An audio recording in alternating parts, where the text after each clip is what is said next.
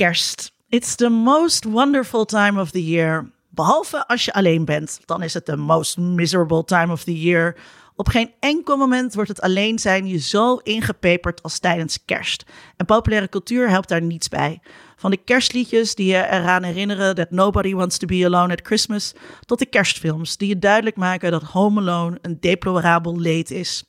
Vorig jaar probeerden we je te troosten door kerst met Keanu te vieren. Nu kunnen we er niet omheen en gaan we erin mee. Het is een eenzame kerst, ook met geeky dingen.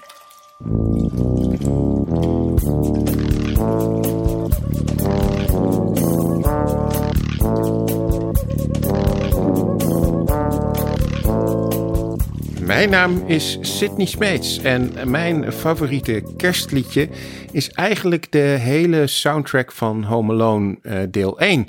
Want die is geschreven en gecomponeerd door John Williams. Uh, mijn naam is Tom Aalmoes en mijn favoriete kerstmuziek is Christmas in New Orleans van Louis Armstrong.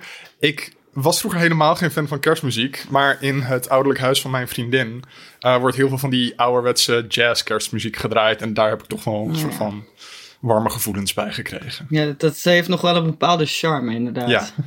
Uh, ik uh, ben Natasja Villiers en mijn favoriete kerstliedje, wat ik weer een bijzondere vraag vond, is Santa Baby, denk ik. Ik heb eigenlijk helemaal, ik luister nooit kerstmuziek. We hebben de radio ook niet aan of zo. Ik, ik dacht echt, oh Jesus, ik moet echt iets gaan zoeken. Maar uh, nee, dat liedje doet me vooral denken aan Ellie McBeal. Ik weet niet of jullie dat... Ja, dat, dat kerst-cd zelfs. Ja, die, die Santa Baby, uh, dat was... Ja, dat vond ik dan nog wel geinig, maar eigenlijk luister ik geen kerstmuziek. Oh. Sorry. Ik had vroeger, al, die, al die cd's van Ellie McBeal die had ik vroeger.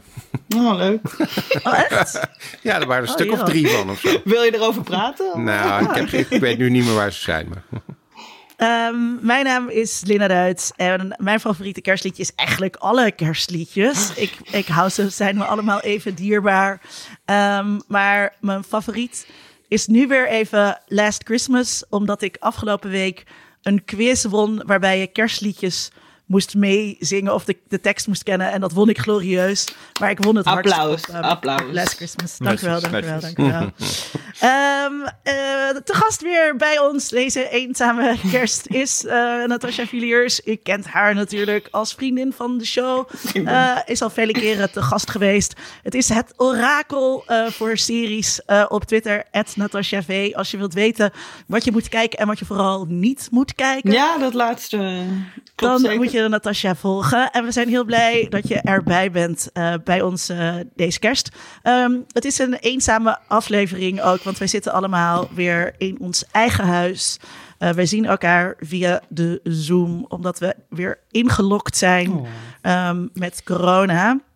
Um, wat, wat ik heel jammer vind, lieve geeks. Ik ja. ook. Ja. maar ooit komen er weer betere tijden. Ja, dit klinkt wel heel deprimerend. Vandaag is het vaccin uh, goedgekeurd. Yay! Yay! Ja. ja. En gisteren, Yay. gisteren is een gemuteerde versie van het virus ja. ja, nee, nee, nee. net op tijd. Ja, het wordt echt een steeds slechtere film waar we in zitten, mm -hmm. toch? Ik bedoel, als ja. het een film was en dan nu Christmas is... Weet je wel, dit is deel 6 van deze slechte kutfilm. en dit is deel 6. Mutated Virus Ruins Christmas. Ja. Um, maar gelukkig, gelukkig uh, hebben we elkaar en uh, gaan we een kerstvakantie tegemoet waarin hopelijk heel veel mensen heel veel kunnen kijken, lezen of gamen. Wat hebben wij voor tips? Natasja, wil jij beginnen? Ja, nou ja, ik vind het wel leuk dat je zegt dat je inderdaad vooral niet moet kijken. Want uh, ik, ik heb Fargo seizoen 4 zitten kijken. En ik, ja, nou ja, zitten kijken. Ik ben halverwege volgens mij in slaap gevallen. En het kon me niet zo boeien. En dat vind ik best erg. teleurstellend, want ik vind dat echt een hele fijne serie verder om naar te kijken. Dus uh, ik, het ligt misschien stiekem ook een beetje aan Chris Rock. Sorry Chris, maar uh, ja, ik, ik vond het niet best. Ik vond het niet best. Hebben jullie iets gezien al in die categorie? Nog niet, nee. Maar wat, eh, wat, wat is er zo erg aan? Nou, het, ja, ik bedoel, het is gewoon, het is niet ineens slecht of zo, maar het was toch altijd wel een van de betere series. Zeker. En, en ja, het is gewoon saai. Nou ja, en dat is Oh. natuurlijk dodelijk voor een, serie, een tv-serie. Dat je, dat je na vijf afleveringen vergeet dat je de serie aan het kijken was. Hm, Ja, ja. ja. dat, eh, dat is een beetje, ja, ja, precies, oef. Dus eh, Maar is het format op? Ah, ik, het, het verhaal, ja, ik denk het wel. Het verhaal is nu ook gewoon niet zo pakkend meer. En, en ja... Nee, nou, ik ben ook echt benieuwd wat andere mensen. Jammer dat je niemand van jullie dit heeft gekeken, maar Nee. wat andere mensen ervan vinden. Want eh, even kijken of me, ja, nee, eh, ja, nee, dat, dat was jammer. Maar ik heb wel een heel leuk boek gelezen. Eh, ik dacht, tv-series zijn ook leuk, maar ik dacht, laten we eens een keer een boek doen, want de tv, de goede tv-series zijn schaars, vind ik op dit moment. Dus, eh, en dat was eh, eh, een boek van Richard Osman. Dat is eh, eh, voor de eh, quizgeeks onder ons. eh, de meneer die eh, eh, op de BBC ehm, eh, Pointless samen met die andere meneer doet, wiens naam ik even ben vergeten. En ook eh, House of Games doet. En dat is echt een hele leuke, charmante meneer. En die heeft een, eh, een murder mystery geschreven. Eh, De Thursday Murder Club. En dat is echt een ideaal boek voor de kerstvakantie. Het is echt eh, zo'n murder mystery, zo'n whodunit. Met hele charmante Britse humor. Dus ik zou zeggen, lees die. Lees dat boek. Leuk. Ja. Ik zie Sydney druk schrijven. Oh shit, ja. Nee, inderdaad. Goed dat je het zegt. Ja, dus en qua televisie vind ik het een beetje karig, wat ik net zei. Dus ik, ik, Hoe is dat, eh, is, is dat, komt dat door corona? Omdat, eh, omdat, alles, eh, omdat zoveel opnamen plat zijn gelegd? Hmm, goeie vraag. Ik weet het eigenlijk niet zo goed. Maar het, ik vind het ook. Ik denk het wel dat het nu even wat minder is, ja. Ja, Ja. Ik, ik zie ook geen nieuwe goede series. Ja, je hebt wel, wel dingen op Netflix of zo, maar echt de tv, de ouderwetse tv en zo. HBO is wel een beetje bezig, maar ook niet dat, waar ik heel warm van word. En, nee, nee. Nee, ik, ik, ik ook niet. Tom, Ik eh, heb ook eh, vooral dingen herkeken weer eh, de laatste Ja. tijd. Eh, en eh, dat kwam heel goed uit, want eh, op Netflix stond The Legend of Korra, een van mijn favoriete series, weer online. En dat is het vervolg op de tekenfilmserie The Last Airbender. En het speelt zich 70 jaar daarna af. Dus The Last Airbender speelt zich in een soort middeleeuwse, net aan het industriële, aan industrialiserende samenleving af. En met allemaal fantasie-elementen erin. En in The Legend of Korra is het soort van de jaren 20. Dus de setting is een soort Hongkong in de jaren 20-achtig. Met jazzmuziek op de achtergrond. Um, en ineens grootstedelijke problemen en zo. Maar dan met uh, mensen die vuur kunnen spuwen. En water kunnen manipuleren en kunnen vliegen en zo.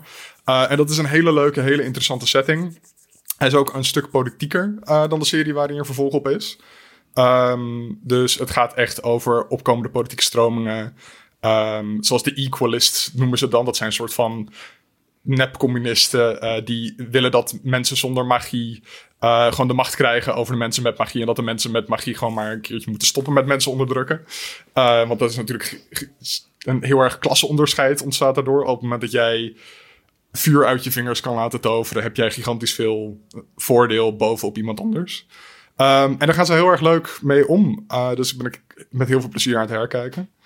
Um, en ik ben bezig met uh, de um, nieuwste game van Pokémon. Dus dat is ook weer lekker nostalgisch voor me. Uh, ben ik mee opgegroeid. En dit is de eerste die uh, in 3D is. En ook op een thuisconsole. Van een soort van de main serie van Pokémon games. Um, terwijl het eigenlijk voor de rest precies dezelfde game is die ik vroeger toen ik elf was ook speelde. Dus dat is gewoon heel fijn, heel vertrouwd. Gewoon een beetje rondlopen in Pokémon. That's it. Ja, ja, ja. Nee, ja dat was een Ja, leuk. Oké, oké, oké. Ik voel meteen ook, ik weet niet of jullie dat ook hebben, maar misschien of, de, of dat voor de luisteraar, dat het meteen weer moeilijker is uh, via Zoom. Dat uh, podcasten is toch gewoon, dus als je thuis zeg maar een soort pauze, dat komt denk ik echt, uh, echt daardoor. Doordat het een supervergadering ja, is en ja. niet een gezellig gesprek aan een keukentafel. Ja, maar je zit ja. ook te wachten totdat degene is uitgepraat, omdat je niet door iemand heen wilt tetteren. Mm -hmm. Nog iets meer Precies. dan normaal, dus ja. Terwijl ik hou van door mensen heen tetteren. ja, ja. Sydney, zeg jij eens wat en dan kijk ik of ik er doorheen kan letteren. Ik heb, uh, poeh, eens even kijken. Wat heb ik gekeken? Ik heb gekeken naar een uh, nieuwe film uh, met Nicolas Cage. zoals bekend is Nicolas Cage de grootste acteur van onze tijd. En in iedere film waar hij in zit, is, is, is per definitie een klassieker. en zo ook met de Jiu-Jitsu. Uh, Jiu-Jitsu, daar zit hij maar heel even in. Uh, want het zijn eigenlijk allemaal acteurs die je niet kent. Uh, maar Nicolas Cage verheft het toch weer tot, tot buitengewone hoogte. wat is Jiu-Jitsu? Jiu-Jitsu is eigenlijk een soort remake van Predator. kort gezegd, er is een alien die komt via een asteroïde, die, een soort komeet die om de zoveel tijd langs de aarde komt op aarde. En iedere keer als hij op aarde komt, dan wil hij jagen op goed getrainde jiu-jitsu helden. En daarom heeft, hij, daarom heeft hij de mensheid ook jiu-jitsu geleerd. Zodat hij altijd oh mijn krachtige, God, goed, vreselijk. krachtige, goed getrainde vijanden heeft... waar hij dan ook een eervol gevecht mee kan hebben. En zo ook deze keer. What the fuck? Waarom Is Nick Cage dan... De alien? Nee, nee, nee. Nicolas Cage is uh, de wijze oude uh, jiu-jitsu uh, held. en verder is er een team van wat jongere jiu-jitsu helden die uh, nou ja, volgens mij vooral uitgekozen zijn. Volgens mij zijn het allemaal stuntmensen die nu dus een soort acteursrol uh, mogen, mogen spelen. Want het zijn allemaal mensen die duidelijk wel kunnen vechten, maar niet zo heel goed kunnen acteren. Um, en de Alien slaat ook niet echt ergens op, maar alles maar, met. En waarom, waarom jiu-jitsu? waarom niet uh, taekwondo? cage fighten? Ja, het is, ik denk dat dat deel 2 is. jiu-jitsu 2, taekwondo. ja. maar, maar was het leuk? Was het, het was vermakelijk? al met al best vermakelijk. Ja, het was. Uh, uh, het is natuurlijk slecht. En je weet ook dat het heel slecht uh, is. Maar het is wel slecht op een manier dat je er gewoon naar kunt kijken. En dat je denkt: ach, dit is best oké. Okay. zeker bij, tijdens de kerstdagen. En okay. ja, dus ik, ja, ik zou zeker niet zeggen van hier moet je echt. Uh, gehyped met een hele, hele bunch uh, familie voor gaan zitten. Maar als je toch een nee, zondagmiddagje hebt, als, uh, dan ja. Ja, dit klinkt als iets wat troep is en ja. wat dus super goed geschikt is voor, ja, heerlijk. Ja, ja, ja dus die kun je gewoon kijken. Um, en het andere wat ik heb gekeken was op Apple TV. Um, daar staat al een hele tijd, maar ik was er nog niet aan toegekomen, de nieuwe film van Tom Hanks, Greyhound. Um, dus gebaseerd op een waar gebeurd verhaal van een kapitein die voor het eerst het bevel krijgt over een, uh, uh, een, een, een, schip, een, uh, oh, ja. een kruiser eigenlijk, die meevaart met een konvooi van andere schepen van Amerika naar Europa, van de Verenigde Staten naar Europa tijdens de Tweede Wereldoorlog. En tijdens dat varen worden ze het eerste stukje begeleid door vliegtuigen. Uh, uh, maar er is op een gegeven moment een punt ergens in de oceaan waar die vliegtuigen niet meer kunnen komen, omdat ze dan te weinig uh, brandstof hebben. En de vliegtuigen uit Europa ook niet kunnen komen. Dus er is een stukje waar geen, geen bescherming van vliegtuigen is. En dat is precies natuurlijk de plek waar de Duitse U-boten de, de vloot gaan aanvallen. met hun als, als wolven, hè, zo noemden ze zich ook, wolfpacks. Um, en ja, de kapitein Tom Hanks en zijn schip en nog twee andere schepen moeten dan die, die koopvaardijschepen beschermen tegen de uh, onderzeeboten. En dat uh, is een heel standaard verhaal, want waarschijnlijk denk je, nou, dit heb ik toch al een keer gezien. Want ja, zo zijn al die films een beetje. maar het is toch wel weer goed gemaakt. En Tom Hanks, ja, kan eigenlijk altijd wel naar Tom Hanks kijken. Ik heb niet zo snel dat ik denk van, uh, goh, wat een vervelende man. Uh, dus dat is ook hier gewoon een prima uh, film.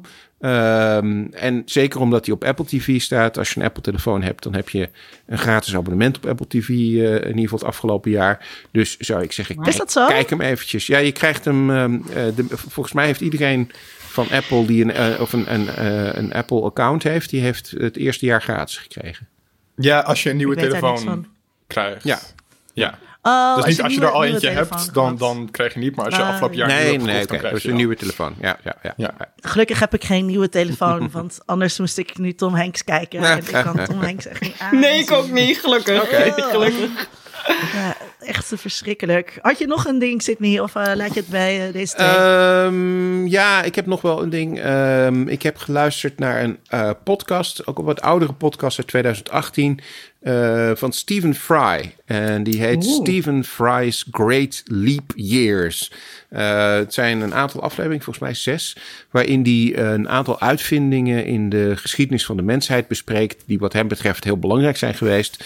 Um, en waar hij dus over vertelt hoe die tot stand zijn gekomen. Uh, zoals bijvoorbeeld de boekdrukkunst en uh, Gutenberg. Um, of, of elektriciteit, computers. Um, en dat doet hij op zijn Stephen Fry's. Dus dat is meestal, meestal wel leuk. Ja. Goeie, goeie tip. ik wil meteen even van de gelegenheid gebruik maken om Toms tip van de vorige keer te onderstrepen. ik was Godrecht gaan luisteren, mm -hmm. de, de podcast van Pepijn Lane. En als je podcastluisteraar bent, moet je dit echt luisteren. Het is zo grappig. Het is een soort kantoorhorror sprookje uh, met Georgina Verbaan in de hoofdrol en Everybody Loves Georgina natuurlijk. En uh, ja, het is, het, ik weet dat Tom, Tom had hem dus al gezegd, ja. uh, maar ik wil hem even seconden, zeg maar. Um, ik, ik heb gekeken naar The Prom. Um, op Netflix. Ik weet ook niet waarom ik mezelf haat en mezelf dit heb aangedaan. Um, ik vond Ryan Murphy, het is, het is gemaakt, het is een film van, uh, van Ryan Murphy. Ik vond dus al die Ryan Murphy-series altijd best wel leuk. Maar met Ratchet ooit. was dat ooit. Ja, met Ratchet was dat voorbij. En nu uh, is het gewoon, de liefde tussen mij en Ryan is gewoon over. Niets werkt aan die film. Echt helemaal niets. Dus, en alle grappen zijn dan heel zelfbewust bedoeld of zo. Maar er zit een soort plezierloze arrogantie achter. Die het echt onmogelijk maakt om naar die, naar die acteurs en actrices mm. te kijken. Meryl Streep speelt erin. Uh, die speelt een soort. Uh, ja, ze, ze, ja uh, arrogante, uitgerangeerde Broadway-sterren die dan in een klein plaatsje een, de prom gaan redden. Dat is het idee.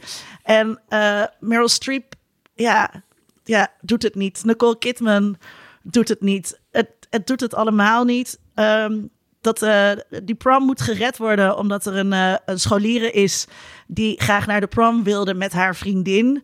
En uh, dat mocht niet in het conservatieve stadje. deze, deze lesbo heet Emma. En de actrice die haar speelt, die is in werkelijkheid dus 24. En hm. haar geheime liefde is iemand die in werkelijkheid 29 is. En dat is gewoon, weet je wel, oké, dat dat bij Beverly Hills 90210 zo was dat die acteurs allemaal zo oud waren. Maar je kan gewoon geen high school mensen meer laten spelen door iemand die gewoon bijna 30 is of hm, zo. Dat is, je ja. vraagt je de hele tijd af waarom dat nodig is. En, en het lijkt dus alsof er ja, een heel progressieve boodschap is. Hè, van, mm -hmm. oké, er moet een inclusieve prom zijn en zo. Maar uiteindelijk um, ja, zit, die, zit die film gewoon vol met conservatieve crap over relaties die belangrijk zijn en familie. Mm -hmm. En um, dus het, het lijkt dus heel progressief, maar eigenlijk is het toch weer gewoon een soort Amerikaanse waarde. Ja die ik een beetje naar vond. Dus, ik vind dat inderdaad ja. ook altijd heel storend als uh, uh, dat, dat gaat natuurlijk al ver terug in het verleden. Hè? Romeo en Juliet worden ook altijd gespeeld door mensen van, van 30, terwijl ze eigenlijk 14 of zo zijn. maar zeker in high school films vind ik het enorm storend als, als die mensen allemaal gewoon al bijna bejaard zijn en dan ondertussen net doen alsof ze op de high school zitten. En dat is ook How do you do, fellow kids? Ja, precies. Ja, ja en daar, dat is ook een van de redenen waarom ik uh, zo'n zo film als Sleepaway Camp, daar hebben we het ook al eens eerder over gehad. Dat is een, een horrorfilm. Um, die speelt zich af op een zomerkamp. Uh, maar daar zijn de kinderen die dat spelen, zijn ook allemaal echt kinderen. Dus uh, 15, 16 jaar oud. Uh, en dat werkt gewoon in die film heel, heel erg goed. Ondanks dat het niet zo'n topfilm is, wordt het een veel betere film, doordat dat gewoon heel realistisch is. En die kinderen ook echt als kinderen daar, daar, daar spelen. Um, maar dat vind ik dus met, met high school films, vind ik dat altijd heel storend. Heb, maar ik heb echt ja. het idee dat wij dat storender vinden dan Amerikanen zelf. Want hm. ik zat laatst op podcast te luisteren en toen zei iemand ook over Vanessa Hudgens, weet je wel, die 32 is tegenwoordig en hè, high, school, high School Musical en zo had gedaan. Ja, oh, ze lijkt echt nog steeds 16. Ja, ze kan toch makkelijk gewoon uh, iemand spelen van uh, high school. Dat ik echt denk, nou. ja, zie je, wij zien dat volgens mij misschien ook gewoon wel wat anders dan zij. Maar dat durf ik niet uh, eh, 100% zekerheid te zeggen. Maar soms denk ik dat wel een beetje. Heb jij Freaky gezien? Ja, ja, ja, ja. ja. ja. Ja, dat, was een, vond ik hilarisch. Ja, dat vond ik ook heel hilarisch. En dat was een kijktip van, van Sonny, dus die heb ik Oh, ook, ja. ook gekeken. Uh, maar daar zitten de acteurs ook al, wat mij betreft, op het randje. Hoewel deze Oh, spelen zich wel, spelen wel allemaal in het, in het eindexamenklasjaar. Dus dat valt allemaal nog wel, nog wel mee. Maar dat, je, dat je, had ik bij sommige van die acteurs ook al zoiets van... hmm, Ja. Het is allemaal een mooi bruggetje naar eh, wat ik nog meer wilde noemen. Eh, namelijk eh, Heartbreak High. Yay! De jaren negentig eh, eh, serie. Ik hoor dat als jij in één keer niet meer. Oh, sorry. Jawel hoor. Wel, nu weer wel, ja. Eh, eh, de, Ligt jaren aan jou. 90, de jaren 90 eh, high school serie eh, die eh, wordt met groot onthaal op Netflix eh, eh, is gedropt. En ehm, ik, ja, ik was helemaal gelukkig, want daar eh, worden die acteurs zijn dus wel allemaal gewoon jong eh, die dat spelen. En je ziet ook gewoon, eh, dus het was in de jaren 90 Australische serie, eh, moet zich afspelen in Sydney. Eh, en multicultureel Sydney. En dus de cast is ook super divers. En dus dat, dat doet je ook weer terugdenken aan, ehm, aan, ja, aan ook dat soort representatie waar ja, mensen als Na- Natasha en ik dus mee opgegroeid eh, zijn. En eh, die serie was gewoon zo goed en zo leuk, omdat Ja. het eh, heel duidelijk ging over ja, het soort problemen wat, wat tieners allemaal hebben. Maar ook omdat die acteur, ja, die jonge mensen waren gewoon allemaal heel aansprekend en echt. Dus juist zeg maar dat Amerikaanse glamourlaagje eh zit er niet op. Je hebt wel hele knappe eh, mensen er ook tussen zitten. Eh, maar ook wat minder, ook wat minder knap. Zoals het, zoals het op, een, eh, op een school is. En eh, de tune, toen de tune kwam, toen was ik weer, oh ja.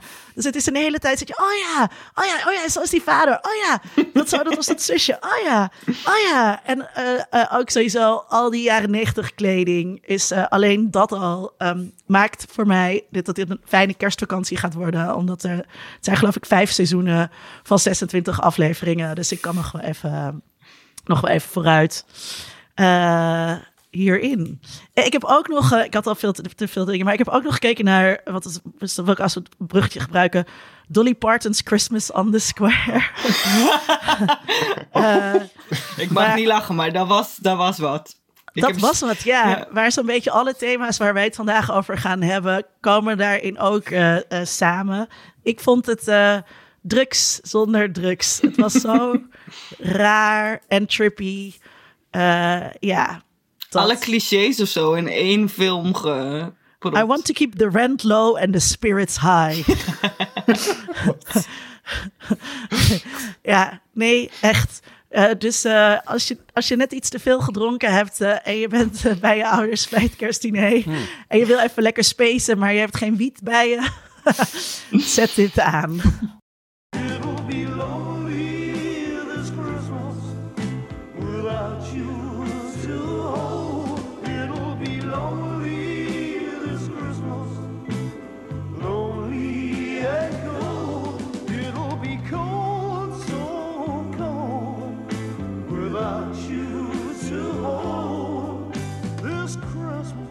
Eh, we gaan een eh, eenzame kerst vieren hier eh, in deze podcast. Eh, eenzaamheid is natuurlijk een prachtig kerstthema. Heel films gaan erover. We kozen vijf films uit om dit thema te benaderen. En mijn idee is eigenlijk dat we ze eerst alle vijf even kort bespreken. En dat we daarna zeg maar naar wat gemeenschappelijke thema's, eh, overkoepelende thema's ehm, gaan. Eh, voor, voor, voor de luisteraar, de films zijn It's a Wonderful Life, Die Hard, Scrooged, Home Alone en Better Watch Out. Eh, dan, dan, eh, weet je, dan weet je dat vast. Dit is, eh, dit is wat er aankomt. Ehm, eerst eh, eh, It's a Wonderful Life uit 1946. Eh Natasja, ik zag op Twitter dat jij hem ook nog nooit gezien had. Nee, had dit hem- was de jij- eerste keer. Wauw. Sydney, had jij hem al wel gezien? Zeker. He- eh, nou, ik wil niet zeggen iedere kerst, maar wel heel vaak. Ja. Oh, Ja, zeker. Ja, dus dit is, dit is denk ik de meest klassieke kerstklassieker die er bestaat. Eh, dus, dus, Waarom, maar waarom is dat? Waarom is dit de meest klassieke om, kerstklassieker? ten eerste denk ik omdat hij heel oud is. Dus dat hij al, al honderd generaties meegaat. Eh, en omdat de boodschap natuurlijk heel erg eh, Christmas Carol-achtig eh, is. ondanks dat het geen Christmas Carol is. Hè, want Christmas Carol gaat, nou ja, over, nou, daar gaan we het met Scrooge nog over hebben. Maar in ieder geval, het is wel eenzelfde soort boodschap natuurlijk. Hè, van, goh, als, als het leven nou eens anders zou zijn gegaan, wat zou er dan zijn gebeurd? Ehm, en natuurlijk gewoon vanwege eh, eh, de hoofdpersoon. Een hele eh, charmante acteur die, die eigenlijk al- alom geliefd is. Hij had wat politieke opvattingen waar je andere gedachten over kunt hebben. Maar in ieder Oh. geval als acteur Oh, was die, eh, was die alom eh, geliefd. Hè? Ja. ehm, Wat Tom? Oh nee. Oh nee, Oh. ja. Nee, hij bleek, eh, hij bleek later wat nogal, nou ja, behoorlijk conservatief te zijn. Maar dat maakt niet uit. Eh, eh, de, qua, qua acteur eh, is het gewoon een, een, een, een, een- ja, ook een stapel van Amerikaanse eh, eh, jaren 50 eh, films natuurlijk. Later heel bekend in die Hitchcock films gespeeld. Ehm, ja, dus ik denk, en, en, en ook gewoon omdat die nostalgische kerstsfeer erin zit. Het speelt zich natuurlijk deels in de jaren 20 en deels in de jaren 40 af. Nou, dat is een beetje de, de Coca-Cola kerstman. dus, dus het is quintessentiële kerst, dit. Eh, luister, luister vooral onze, de eerste eh, kerstspecial die we ooit maakten over eh, kerstspecials. Waarin we het ook heel erg hebben over eh, die, die mythe of dat terugverlangen naar een soort kerst in Amerika die nooit bestaan heeft en die wij ook niet meegemaakt hebben. en, en Natasja, hoezo had jij hem nog nooit gezien? Nou, ik, eh, ik eh, die eenzame kerst. Ik vind kerst best leuk, maar ik hou eigenlijk helemaal van niets wat met kerst te maken heeft. Dus muziek of films. Ja, nou ja, we gaan het er straks over hebben. Maar Die Hard is mijn favoriete Ja. kerstfilm. Eh, ja, ik, ik, dus daardoor ben ik niet heel erg geneigd om snel een film op te zetten die over kerst of gewoon sowieso heel, een heel romantisch beeld heeft van bepaalde nou ja, tijd, wat hebben jullie net ook gezegd. Dat ik denk, ja.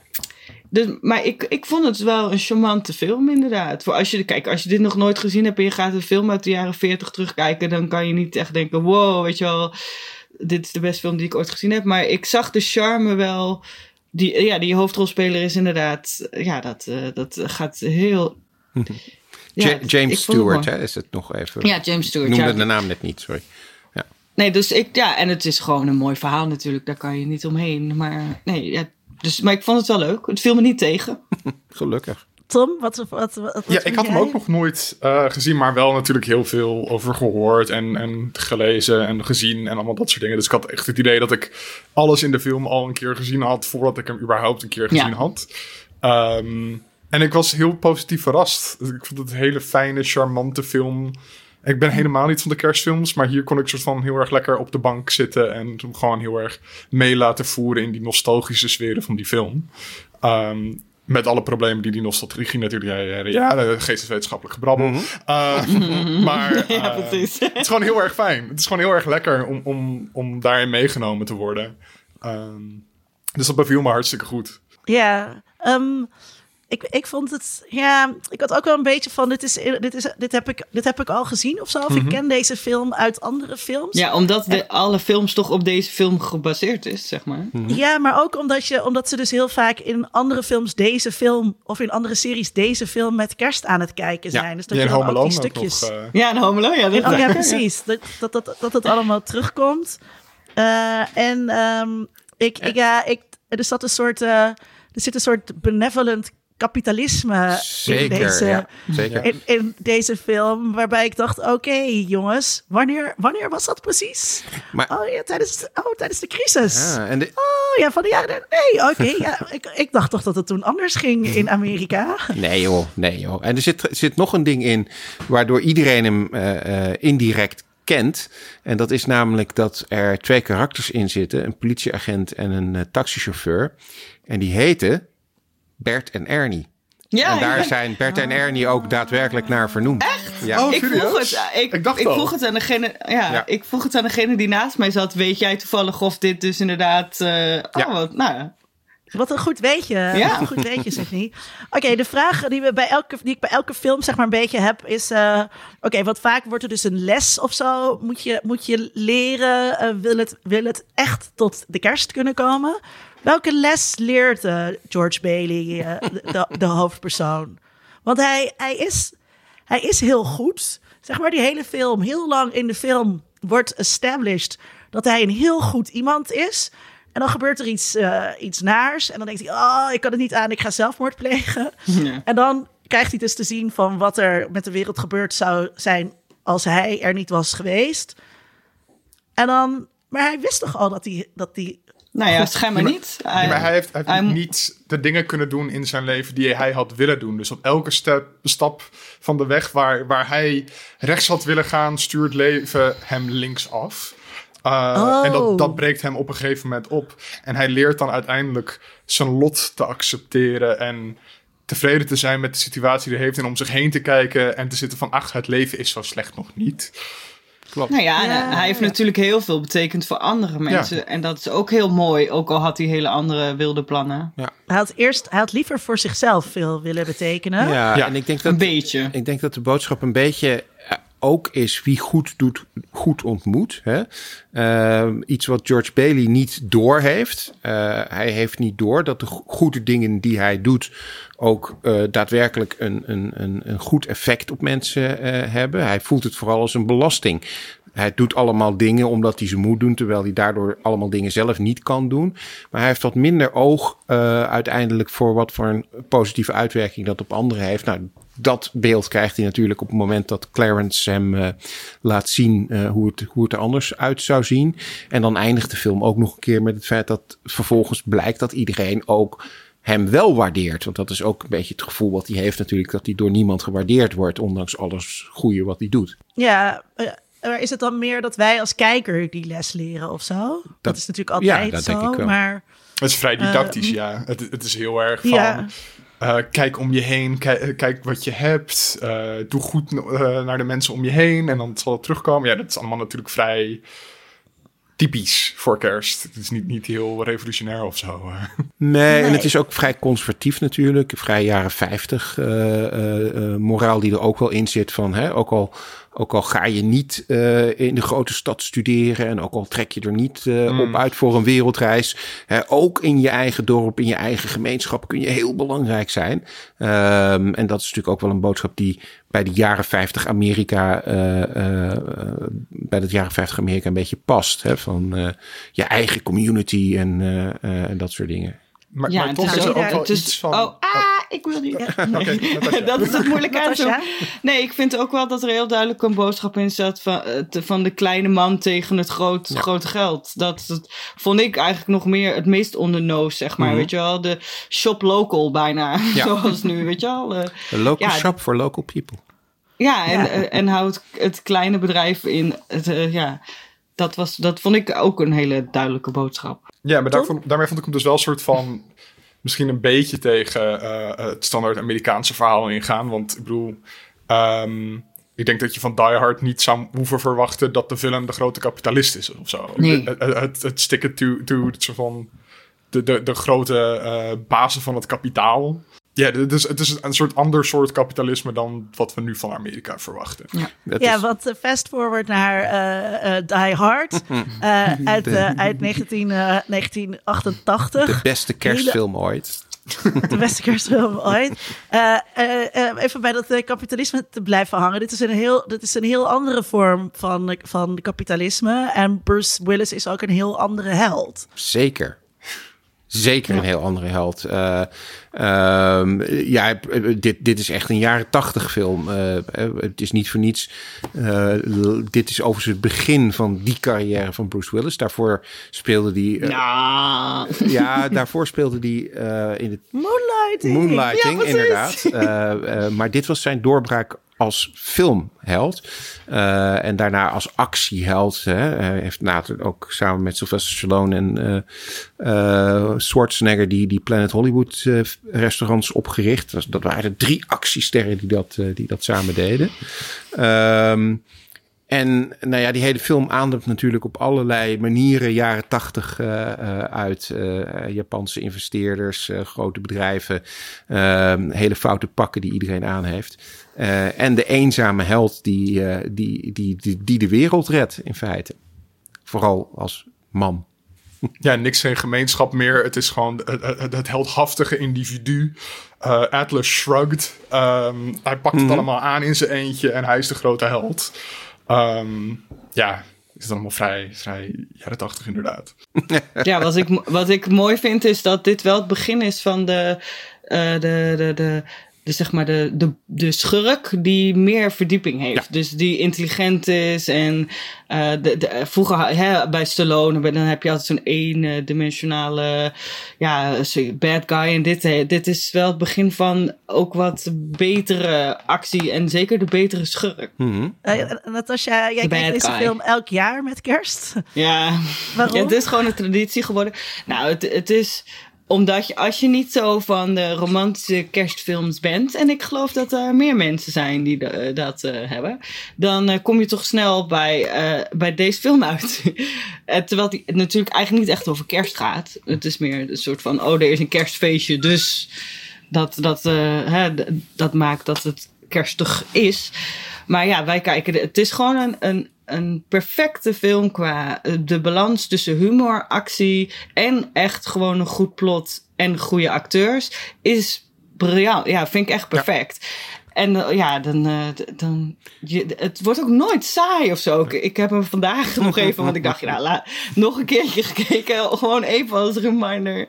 Maar het, het, het, ik, weet, ik zie ook altijd nieuws en het is altijd leuk, want ja, ik vind Bruce Willis ook zo ontzettend charmant. Ik ook, Eh, die, ja, die charme echt, is hij ja. echt al jaren kwijt. Maar daar is hij, hij is grappig, hij, hij is echt, eh, ja, Yippie hij is ook wel intelligent. Ja, Hij ja is, niet, precies. hij is niet heel. Hij is, het is niet een hele knappe man of zo. Maar eh, door die charme wordt hij dus heel aantrekkelijk. eh, ja.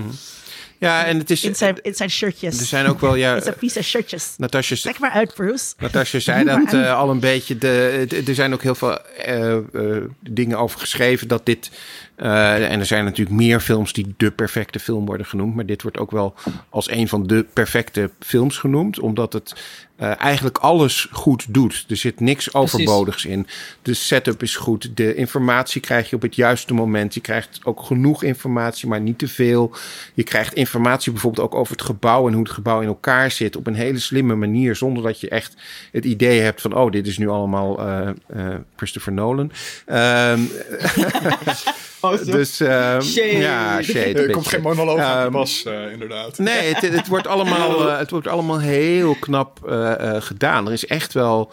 eh, nogmaals, het is jaren tachtig en dat zie je wel een beetje eraan. Maar Ja. eh, het, is, het is desalniettemin gewoon zo goed gedaan dat ik inderdaad. me- Ik kijk er ook bijna ieder jaar naar. Want het is gewoon echt heel knap in elkaar gezet, die film. Ik, eh, ging, ik ging even eh, de Google Scholar in om te zien wat de, wat de collega's bij, eh, bij mediawetenschap hierover, eh, hierover schrijven. En ehm, eh, nou ja, dit is, het is een redelijk lange quote, maar het is wel. Ja, een zekere andere vriend van de show had dit zo op kunnen schrijven. the, the peculiar cultural logic that determines the role of Twinkies in post-war American culture calls attention to the sentimentality fueling the die-hard films. A sentimentality that emerges as the white heterosexual male's prime defense against the dangers posed to the American ideal of cultural homogeneity by contemporary feminism, post-civil rights era race relations, homosexuality, AIDS, and the US's loss of economic and military status on the international scene. Doe maar. Ehm, ja, dus Sydney zegt wel dat de, dat de recensies eh, zo lovend waren. Nou, niet, niet bij de collega's van de mediawetenschap. nee, ja, maar wel de laten we mensen wel die er wezen. verstand van hebben. Ja, ik wou zeggen.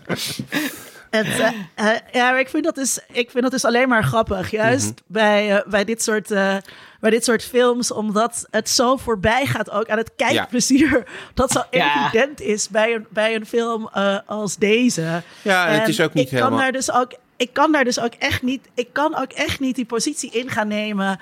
dat ik ga zitten kijken naar, naar Bruce Willis als de ultieme patriarchale man. Nee. Of, Is weet je wel? Ik heb daar gewoon geen zin in. Ik wil ook gewoon yippie motherfucker. Ja, precies. Ja.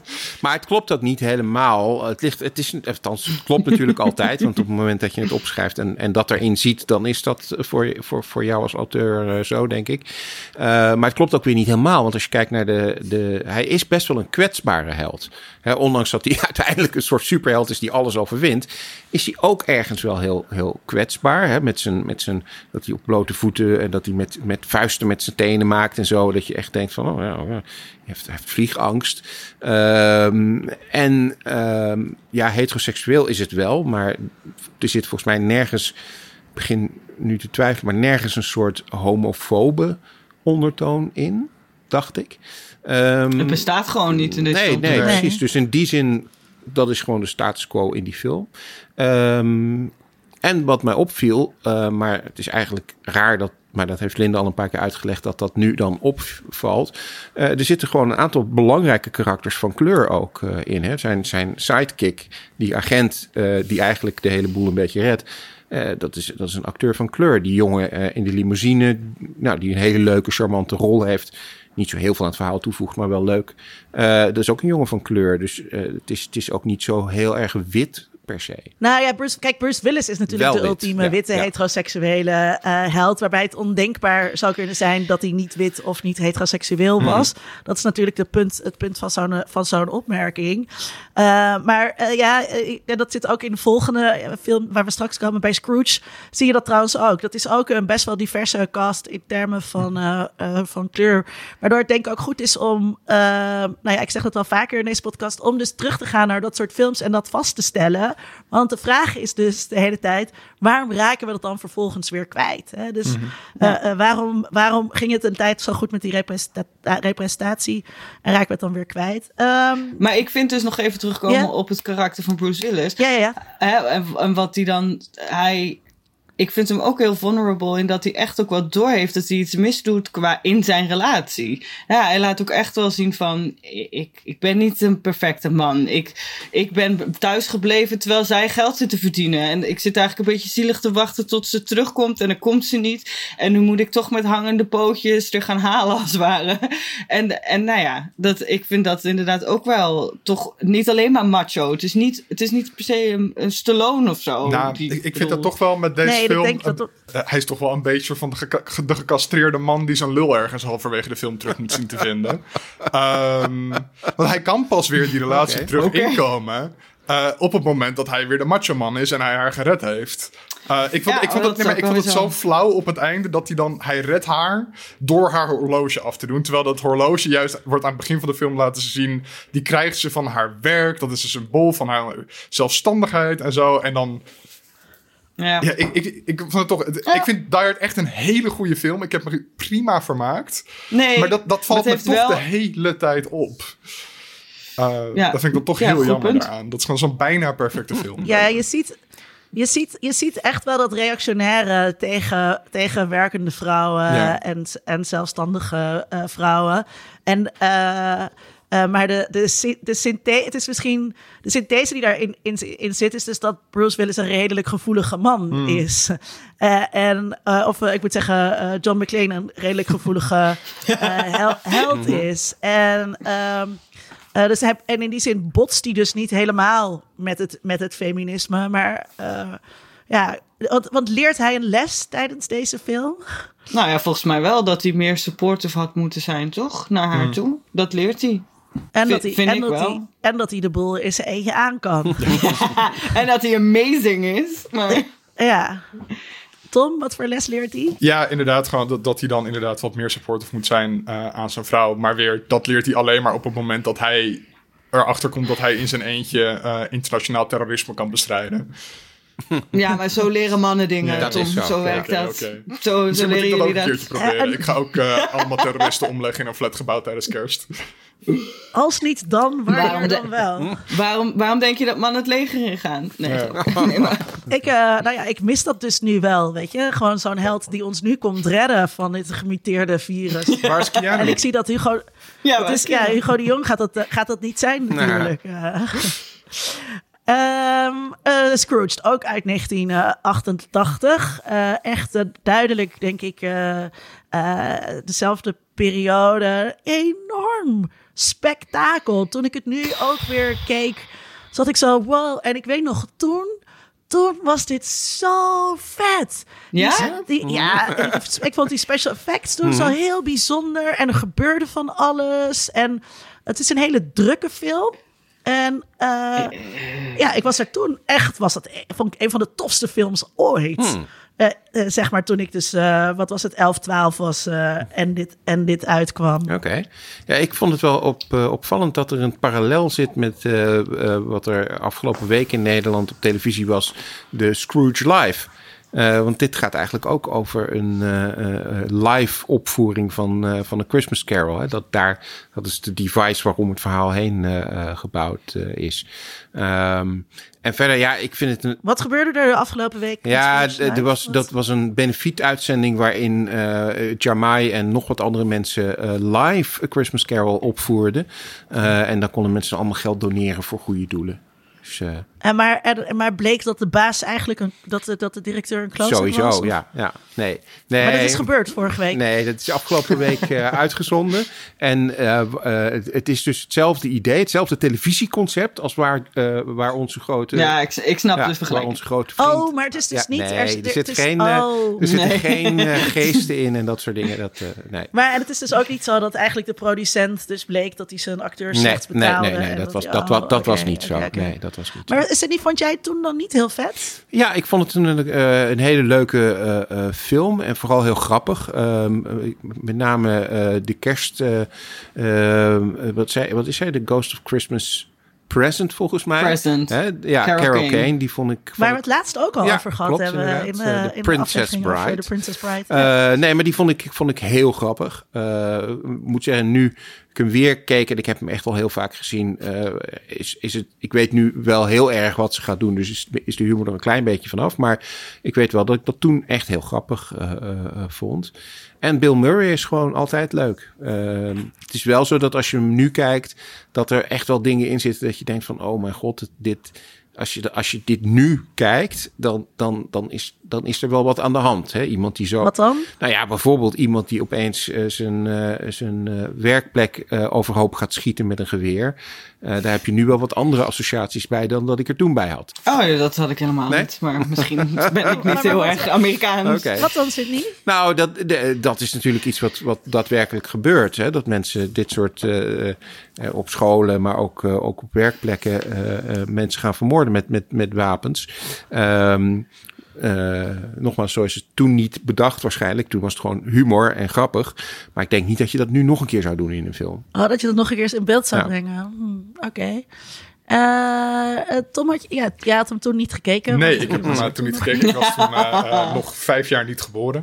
Ehm, en ik, ik heb hem dus nu ook voor het eerst eh, gekeken. En ik heb hem gisteren gekeken. En ik moet je eerlijk zeggen dat ik er nu al bijna niks Nee, meer van kan herinneren. Oh Omdat jee. ik gewoon een beetje uitzoon. En het was inderdaad heel druk. En er gebeurde maar. En het gebeurde maar. En ik ben op een gegeven moment gewoon een beetje... soort van afgehaakt. Het, het, ja, te veel gekkigheid, te veel typetjes, te veel gedoetjes. Eh, dus ik, ik kon er gewoon niet echt mee. Natasja zit hier nu met de hand voor de mond van verbazing. Ja, nee, de, eh, ik bedoel, eh, je kan er veel, veel van deze films zeggen, maar niet dat ik hierbij kan uitzonen. ik bedoel, boe, ik werd knettergek. Maar eh, nee, ik, ja, nee dat, vind, ik- dat vind ik een bijzondere reactie die je daarop hebt. Maar eh, ook wel, oh, ik snap het ook wel een beetje, maar... Nee, ik, eh, voor mij was het ook de eerste keer. Oh, wauw. Want ik, ik was nog maar drie. en ik ben niet een hele grote fan van Bill Murray. ik vind het altijd een beetje een vervelende... Ja, eh, ja nou ja, eigenlijk zoals die, dat karakter dat hij speelt... Dat, ja, dat vind ik niet heel ver van zijn... eh, volgens mij van zijn echte... Ik las wel een quote ook van hem... dat eh, de, de regisseur van deze film alleen maar tegen hem schreeuwde... meer en meer en harder en harder. En dat zie je, vind ik wel echt terug. Er zit geen opbouw of zo in deze film. Het is gewoon, hon, het is gewoon twee uur, of hoe lang duurt het film? 100% gillen en 100% alles geven. En dat vind ik wel wat veel, maar ik vond het ook wel weer vermakelijk. Ik bedoel, het is goed, er zit een leuke opbouw in qua die, die, die, die ghosts zijn, vind ik echt heel leuk. Die typetjes Kelkane vond ik ook inderdaad fantastisch. En ja, en gewoon, ja, dat, ja, nee, dat vond ik wel, maar het was wel heftig. Ik En- vond het wel heftig, deze film. En de, de, de, zijn broer in die film is ook zijn echte broer. Oh, echt? En de, Oh, nou, weer een leuk feitje Ja, zit klopt. niet. En de andere gast, Moet er echt een dat feestje, is zijn andere broer. Dus eh, dus hij heeft zijn hele Oh, familie heeft hij erin gezet. Ja. Ehm, het is, het is eh, natuurlijk heel duidelijk eh, A Christmas Carol. Met ook de veronderstelling dat de kijker eh, A Christmas Carol kent en weet Ja. wat er gaat gebeuren. Ehm, waardoor hij, denk ik, ook zo ja, bijna karikaturaal in die rol kan zitten of zo. Ehm, eh, ja, dat het, dat, het, dat dat er allemaal niet toe doet of zo. Het, het draait er denk ik gewoon om dat het getransformeerd is naar een setting uit, die zo jaren tachtig is met die television execs. Eh, wat natuurlijk altijd leuk is als het, als, het, als het lijkt alsof populaire cultuur kritiek levert op eh, de cultuurindustrie. Terwijl dat eigenlijk natuurlijk niet zo, niet zo is. Ehm, maar het, het draait denk ik veel minder in deze film om, om de les die, hoe heet zijn, eh, zijn personage? Eh, Frank Cross. Het draait veel minder om de les die hij moet leren, als wel om het spektakel eromheen. En, het, en we weten namelijk al dat hij die les gaat leren. Ja. Toch? Hij leert ook niet. Leert hij echt een les? Nee, niet ja, echt. is aan het eind, nou, aan het einde van de film is hij wel is hij echt getransformeerd in een hele aardige, gezellige kerel. Ten opzichte Nou, niet heel gezegd. Dus hij is bijna manisch aan het schreeuwen dat iedereen gezellig kerst moet Ja. vieren of zo. Dat, dat, dat voelt niet echt als Ik een het parkering, maar meer als gekte of zo. Ja, Die hele, die, he- Heel manichaal. ja, die hele scène aan het einde, eh, als hij de camera toespreekt, eh, dat is allemaal geïmproviseerd. Dat is niet eh gescript. Oh, dat dacht ik Ja. al wel toen ik dat zag. Ja, Ja. dat, eh, Ik las ook iets over dat er echt dus mensen in bioscoopzalen mee gingen zingen. En dat het eh, dus voor heel veel mensen inderdaad een hele bijzondere Oh. bioscoopervaring ook was. Dat liedje was ook me een mega hit. Dat Put a Little Love in Your Heart. En eh, ik moest dus net wel huilen. Oh. toen, ik dat, toen ik dat keek. Ja, ik ben echt een zakker voor, voor eh, dit soort films. Oké, oké, oké, door, door, door. Ehm Home Alone. Yes. Misschien toch wel Ja. de aanleiding voor eh, deze aflevering. eh, een, de, eenzame eh, kerst Home Alone in 1990. Eh, is het de ultieme fantasie van een kind uit een grote familie eh, om, eh, om alleen te zijn? Nou, dat lijkt mij niet eigenlijk. Misschien voor vijf minuten, maar daarna, ik denk dat als je zo gewend bent met zo'n grote familie, dat je ze ook wel rap mist. En volgens hij mij is ja, dat, dat is precies wat hier gebeurt. dat gebeurt dus ook. Aan het, beg- aan het begin is hij echt zo: yes, ik heb mijn ouders en mijn familie weggewenst. Ik mag Maar het, is toch altijd eh, de fantasie van elk kind dat je ouders even voetsie zijn. En dat jij, eh, of je nou tien broers of zussen hebt of er eentje, of alleen bent, dat je denkt: dag ouders, ik kan nu ijs, ijskoos Ja. eten op de bank. En, eh, Ik heb dat nog steeds. Als, als ik dan, soms denk ik gewoon, "Ah, ik kan gewoon naar bed wanneer ik wil. Ik kan gewoon, nu, ik kan gewoon heel lang opblijven. Dat kan gewoon. Ja. Ja.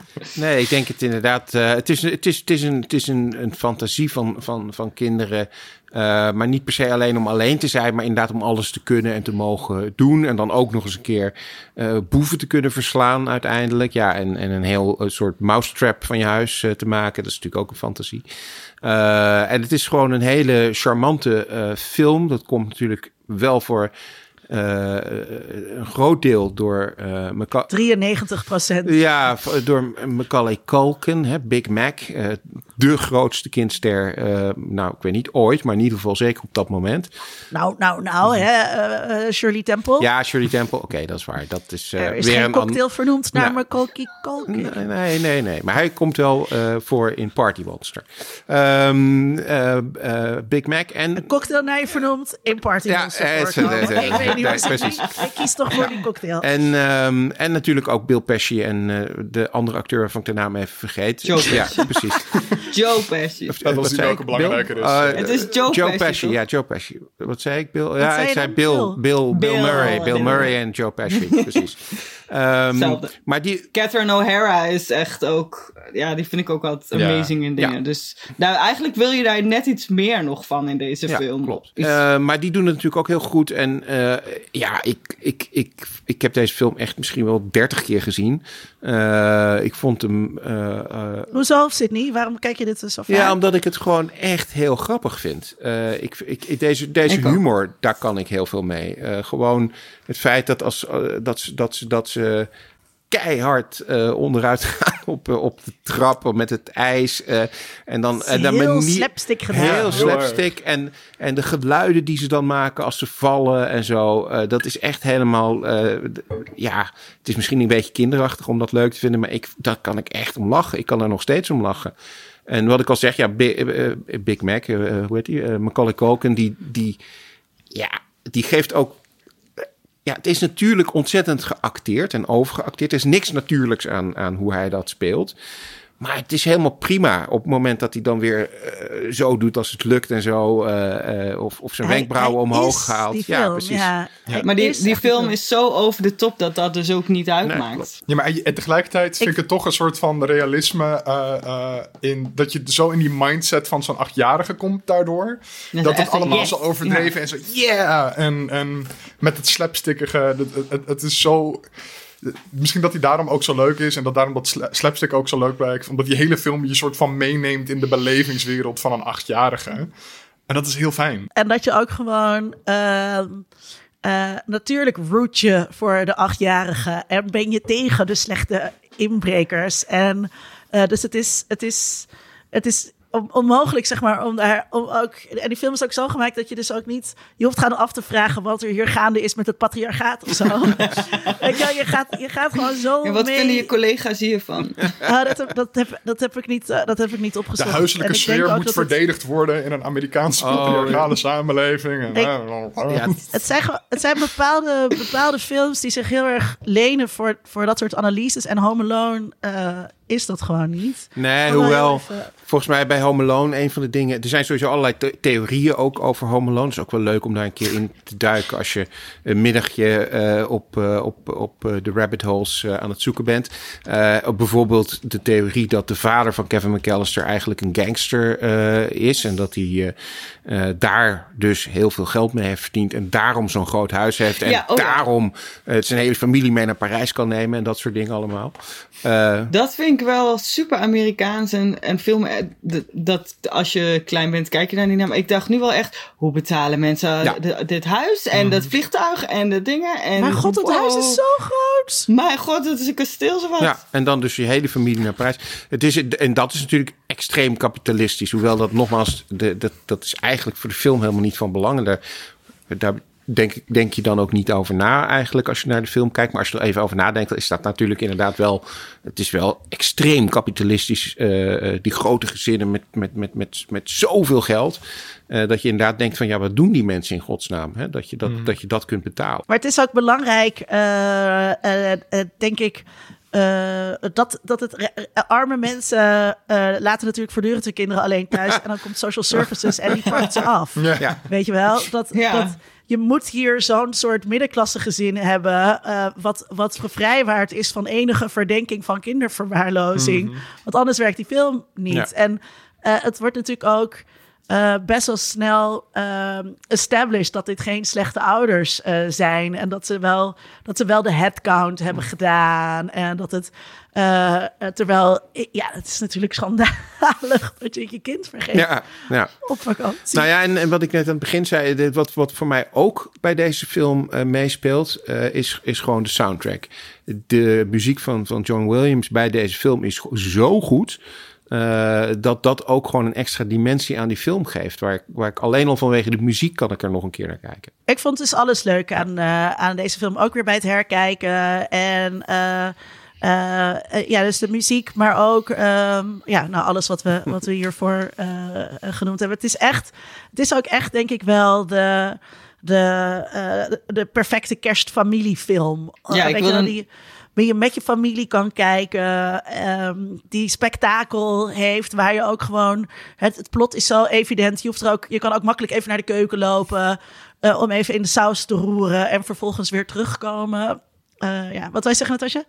Ja, nou dat eh, zeg maar dat ik moest bij deze film ook wel huilen, zeg maar. Bij al die anderen niet. Omdat ik het ook zo mooi vind dat hij die oudere man helpt om weer Ja. contact te vinden met zijn zoon. Dat is misschien ook een persoonlijk ding maar bij mij. Maar ik dacht echt, oh ja, dit is echt een perfecte familie eh, ding. Dat je met kerst in plaats van ruzie maakt, het goed maakt. En dat wil iedereen natuurlijk. Iedereen wil dat. Ja, behalve, behalve de hoofdrolspeler van onze volgende film. Ta, ta, ta. Eh, nou, maar eerst nog even, eerst nog even over welke les eh, leert Kevin? Ja, nou ja, dat, dat, dat hij eh, eh, van zijn familie houdt en dat hij ze niet echt wil eh, missen. Ondanks dat hij dat eh, natuurlijk wel bezworen had, dat hij ze kwijt, eh, kwijt wilde en ze nooit meer terug wilde zien.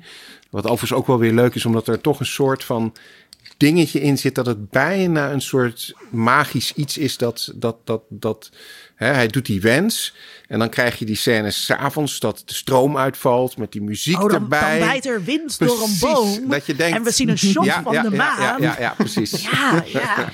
Ja, nee, dat kan niet anders dan magisch. It's a Christmas eh, miracle. Ja, eh, maar ik denk dus ook dat, eh, dat Kevin heel erg eh, leert dat hij veel zelfstandiger is dan hij denkt. En weet je, aan het begin kan hij niet eens zijn eigen tas inpakken. Eh, en eh, aan, aan het eind, op een gegeven moment gaat hij zelf boodschappen doen. En hij gaat ook zelf naar de kerk. Want zo verantwoordelijk is hij.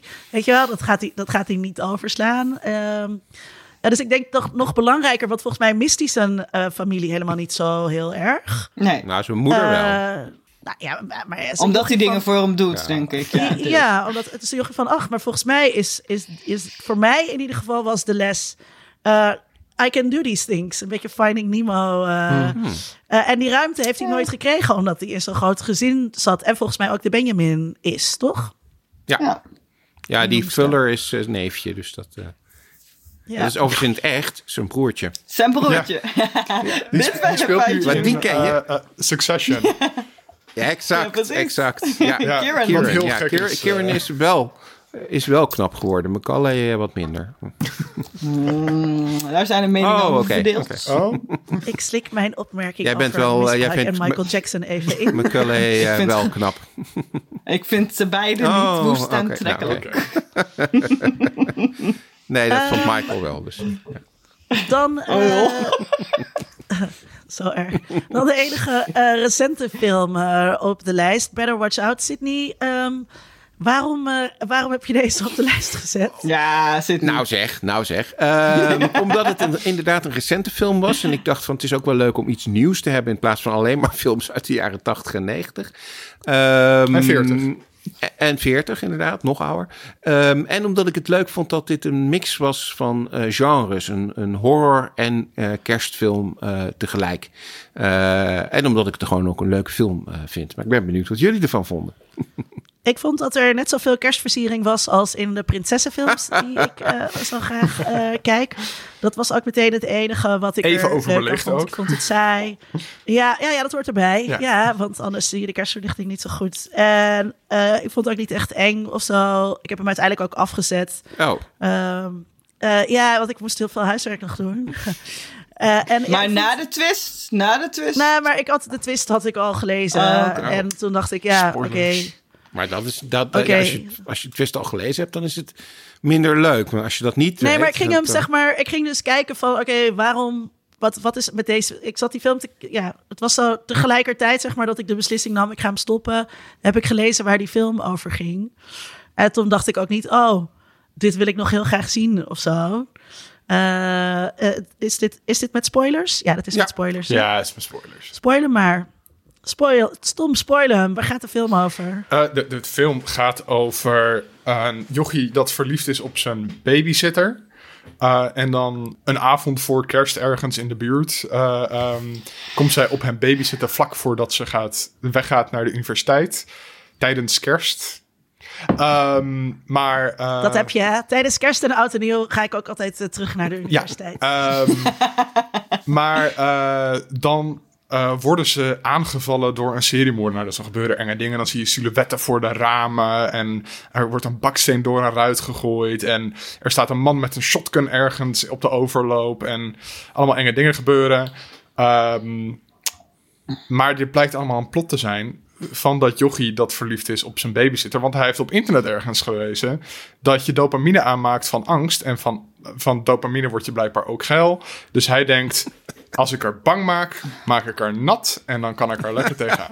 Ehm, Nou, Is of dit dan Oh. de kerstgedachte van de jaren Eh, tien? ik, geloof- ik, geloof- ik weet niet of het helemaal zo plastisch was, maar oké.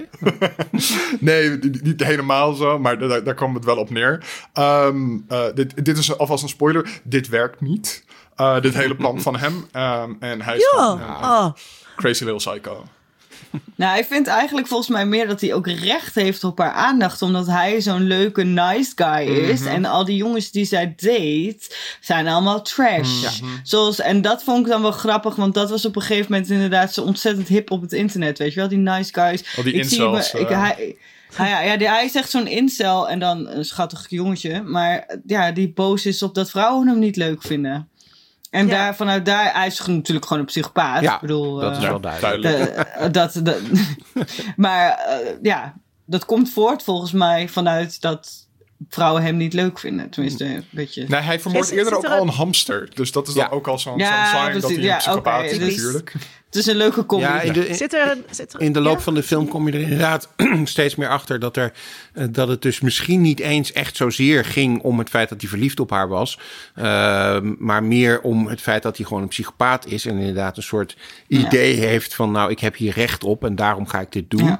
En eh, dat hij dus ook heel erg heeft nagedacht over hoe hij dat eh, allemaal ging doen. En dat daar dus een heel plan achter lijkt, eh, blijkt te zitten. Eh, en eh, wat er ook wel leuk aan is, is dat er wat. Het is, het is, een, het is een soort van hommage aan Home Alone. Dus er zitten wat Home Alone-achtige dingen in. Eh, er zit een letterlijke eh, hommage aan Home Alone eh, in. Dat wordt gewoon benoemd ook, hè, als ze met die verfblikken eh, bezig zijn. Ja. En dan Ehm, gebeurt er wat er echt zou gebeuren op het moment dat jij een verfblik Precies, in je ja. gezicht krijgt. Ja, dus nee, en ik vond het toch wel leuk, omdat het, eh, wat ik al zei, er zijn wel meer kersthorrorfilms. Hè? Het is niet de enige. Eh, maar ik, ik hou daar wel van, van die combinatie van, eh, van, van genres. Maar zit er, dan, zit er een kerstboodschap in deze film? Ehm, ja, dat als je de, eh, eh, eh, je babysitter eh vermoordt, dat je wel zeker moet zijn dat ze ook echt dood is. De echte kerstboodschap. Dat is, Ja. Dat is niet de kerstgedachte. Oh, oh nou ja. Nou ja, voor sommige mensen misschien wel. Ik vond het wel jammer van de film dat we niet aan het einde dan de catharsis kregen van, van dat dat jochie dan een houtversnipper erin gaat of zo. Eh, dat, dat, daar zat ik me echt gewoon op te verheugen, die hele film. Ja. Dat hij gewoon in stukjes Ja, gehakt want- wordt of zo. Ehm, maar nee, nee, helaas Ja, niet. Ik vind het wel echt knap gedaan hoe erg je hem inderdaad haat aan het Oh, eind van deze film. Dat doet hij vandaan. fantastisch, ja. Dit kind. Hij gilt Ja. ook echt gewoon met dat, dat inderdaad dat, dat nog net kinderlijke gilletje van... Ik heb hier recht op! Ehm, Maar dat is ook weer waar we het aan het begin over hadden. Hè? De, de, de, de, de casting is heel goed. Want dit, dit jongetje en zijn vriendje zijn ook echt, dit zijn kinderen. Eh, En dat precies wat jij zegt, dat overslaan van die stem en zo. Hè? Dat hij dus eh, nog net niet een, eh, een, een, zijn stem nog net niet gebroken is, maar dat het wel al een beetje daartussenin zit. Dat werkt allemaal wel goed in die film. Overigens, over goede horrorfilms die wel kerstachtig zijn. hebben jullie eh Krampus Ja. wel eens gezien? nee. Dat, dat, dat vind ik een, een ja, een, echt een goede film, zeg maar. Ik vond dit ook vermakelijk hoor. Ik ben het met, eens met Sydney. Het is niet echt kerstig of zo, maar ik vind het wel leuk gedaan. Ja, Oké, eh, nou ja, ieder, ieder zijn eigen mening. Oh. Toch wel? Oh, wat aardig van jou, Linda! Dat is de kerstgedachte. Ehm eh, ja, oké. Ehm, even, even zeg maar eh, over, overkoepelend. Nu we ehm, eh, deze films geïntroduceerd hebben en eh, niet heel kort besproken eh, hebben. Eh, wat is kerst volgens dit soort films? Volgens dit soort films. Ja, of, ja, of gewoon, ja, want, want laten we het bij deze films houden, want deze hebben we net besproken en bekeken. Wat is het? Ja, samen zijn met familie is het toch vooral, Ja, Ja. denk ik. Ja, dat is denk ik de overkoepelende boodschap van al die films. Samen zijn met. eh, eh, daarom zijn het ook eenzame kerstfilms allemaal. Omdat uiteindelijk het gaat over mensen die eh, alleen zijn. Of in hun eentje iets doen. Of in hun eentje iets meemaken. Of, of hè, een, een Einzelganger zijn, die moeten ontdekken dat ze niet alleen horen te zijn of kunnen zijn, of dat het altijd leuker is met anderen. Dat is een beetje de boodschap. Ja, het is een soort moreel imperatief om niet alleen te zijn of zo. Mhm. Uh, wat, wat ook weer versterkt wordt door die film zelf. Dus het, het- ze gaan uit van een bepaalde logica van je mag niet alleen zijn met kerst. Maar de rest van de samenleving en de volgende films hebben ook weer het idee van je mag niet alleen zijn met kerst. Want dat hebben we geleerd uit al deze films. Want kijk maar, als Ja. je alleen bent met kerst gebeuren er allemaal nare dingen. En dat, dan word je heel verdrietig. Ja, het is niet de beste boodschap die er is. Nee. nee. Maar het, is een heel uitslu- het, het is een heel uitsluitende boodschap. En ook zeg maar mensen die dus aanvankelijk niks met kerst hebben. Die moeten dus ook op een vrij hardhandige manier, als het, eh, als het om Bill Murray gaat, eh, eh, die boodschap leren Ja. dat, dat je wel bij je familie moet. Terwijl, ik bedoel, ja, misschien had hij, heeft hij gewoon, is die relatie met zijn broer gewoon. ehm, dus het, het, er, zit, er wordt op, op geen, er is geen enkele ruimte dat je je familie om terechte redenen bijvoorbeeld niet leuk vindt. Ja. Of ehm, eh, dat, je, dat je er dus zelf voor kan kiezen om niet bij die familie te willen zijn. Ja. Ja, maar ik denk dat dat het zijn allemaal wat oudere films, maar dat is nog steeds zo volgens mij over het algemeen. Er stond in het Parool dit weekend een artikel over dat door corona dit jaar nog meer mensen alleen zijn met kerst en wat een probleem dat is. Uh, er werd- serieuze journalistieke aandacht aan gegeven. Uh, dus het wordt Terwijl echt als een had- ik heb maatschappelijk dus probleem juist, gezien. Maar misschien. Oh, nu is het een maatschappelijk probleem. Ik had, ik heb, maar misschien is het dus helemaal niet de kerstgedachte van mij. Maar eh, ja, heel veel mensen die kunnen nu niet naar een familie. En die zitten dan, oh, oh, oké. Ja, dan ben ik alleen met kerst. hey, dat is helemaal niet leuk. Want met, en dan denk ik, ja, welcome to my world. ik ga dus nooit naar mijn familie met de, met de eh, kerst. Maar het is een soort van, eh, ja, dus het is, ehm, hoe zeg je dat? Heel veel mensen realiseren zich denk ik nu pas hoe het dus voor heel veel mensen is om, eh, om kerst te vieren. Ja, omdat je toch altijd eerst iets moet meemaken voordat je het snapt. Dat, eh, tenminste, dat zie ik en ik denk de rest van de wereld ook wel. Eh, gewoon altijd. Weet je wel, je kan pas bedenken, oh, die mensen hebben het vervelend. Die zijn alleen met kerst omdat je nu zelf een keer alleen met kerst Dat is wel. En, dat is wel en we zijn eigenlijk helemaal niet alleen met kerst. Want ik wed dat de helft van Nederland gewoon vrolijk bij de buren en de familie op bezoek Ja, gaat. Ja. inderdaad Dat, dat, dat, eh, dat, dat denk ik ook. Eh, en, eh, maar goed, daar kan je ook weer allemaal dingen eh, van vinden. Dat, is, dat moeten we misschien even niet doen. Ehm, eh, wat, wat mij opviel is dat ehm, eh, vooral kerstavond wordt gezien als een soort magische avond. Eh, bijna een beetje een soort wat met Halloween ook is. Hè? Dat, de, dat de poorten naar eh, de, de, het magische rijk meer openstaan. Op zo'n avond kan alles gebeuren. Het is ook een ongebruikelijke avond, omdat er dus blijkbaar, dat vond ik ook heel raar, heel veel kerst eh, bedrijfsfeestjes op kerstavond zijn. Terwijl ik altijd denk, hè, dat is dan toch Dat is alleen in films. ja, normaal gesproken heb ik dan, weet je, heb ik de, de kerstborrel is dan op 18 december en op 20 december en eh, dan, dan allemaal. Maar, maar ook dat idee dat er dus, ja, dat er, dat er dus een soort eh, magisch raam opengezet wordt of zo, waar alles kan gebeuren. Ehm, en dus ook eh, gebeurt. En het is echt een tijd voor wonderen.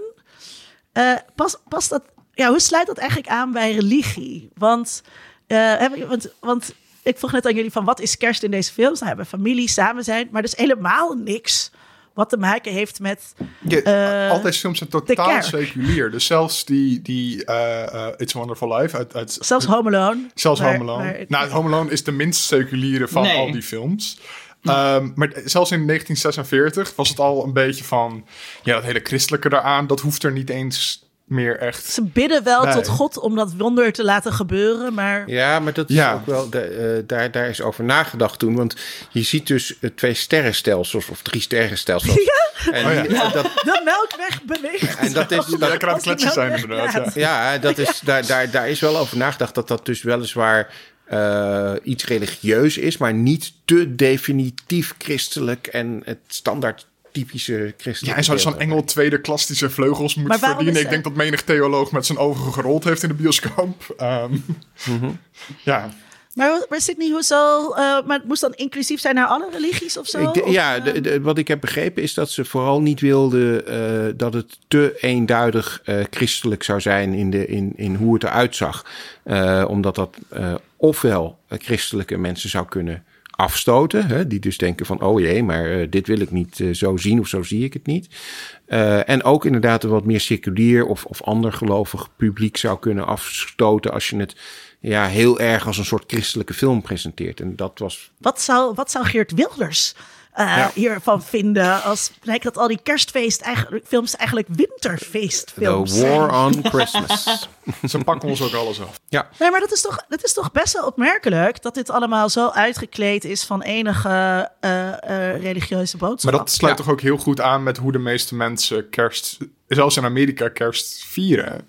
Ik bedoel, ik- met de kerstviering met mijn familie heeft er nooit echt een re- religieus aspect aangezeten. Anders dan dat mijn opa nog wilde bidden voor het eten. En dat was het dan. Ehm, Ja, maar dan is kerstavond, zeg maar, volgens mij in Nederland is het religieuze stukje. Want dan ga je naar de kerstmis. Toch? Ja. Dat is kerstavond, hè? Dus de Oh. katholieken Ja. doen... Ja, ja, de nachtmis. Ja, de nachtmis en verder. En dat is eigenlijk ook meer cultuur dan gelovig. Weet je, ik ken heel veel mensen die niet gelovig zijn en vrolijk dan wel naar de kerk gaan. Eh, dus dat is denk ik het stukje in Nederland in ieder geval. Wat want inderdaad, verder is het. doen we niet, niet zo heel veel met het geloof of het christendom op eerste of tweede kerstdag, toch in Nederland? Nou, ja, wij, wij dus eh, wel. Oh, Oh. Eh, in de zin dat we dus dat we naar de kerk gingen. op en dat eerste kerstdag? Eh, volgens mij, ja, ook. Vol- Volgens mij s'avonds, maar ik denk ook nog wel op een kerstdag. Oké. Ehm, en dat het wel ook, maar ik zat ook op, ik zat op katholieke scholen, hè, dus wij gingen ook het kerstverhaal natuurlijk spelen, wat eigenlijk niet in de Bijbel staat, maar eh, en die hele kerstperiode werd wel heel religieus beleefd, ook met de advent en Oh ja, aftellen. tuurlijk, ja. En ehm, eh, ja, ik heb ook het mis- misschien eh, dat het een soort Europe dat in Europa we wat meer, ook in Duitsland hangen ze natuurlijk ook erg aan, eh, aan het kerkelijke.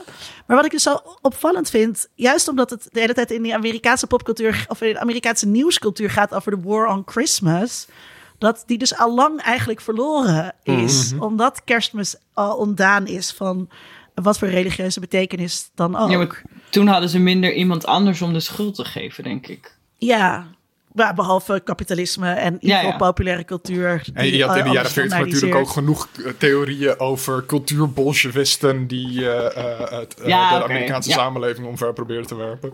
Maar daarom is die film dus best wel raar. Dat het zo over gemeenschap gaat. En over als we allemaal een steentje Ja. bijleggen in de bank. Dan, Ja, maar, maar dat doe je dan uit vrije wil, vanuit de gemeenschap en niet vanuit de staat opgelegd. Want dan zou het communisme is zijn- zijn. is, ooit een van deze, is ooit een van deze makers vervolgd eh, door McCarthy? Vraag ik me dan Zou goed kunnen. Shirley Temple trouwens, nu we het er toch over hebben, is wel een keertje eh gedagvaard voor de House An-American Committee. Kijk, Dat je het weet, toen ze tien was of zo, echt. Dat is echt belachelijk. Dus, Oké, kleine, kleine communist. Ehm, eh, maar ik zag dus ook wel, eh, maar misschien is dat dus mijn, mijn, eh, hoe ik in mijn jeugd geïndoctrineerd ben, een soort parallellen met het, met het kerstverhaal.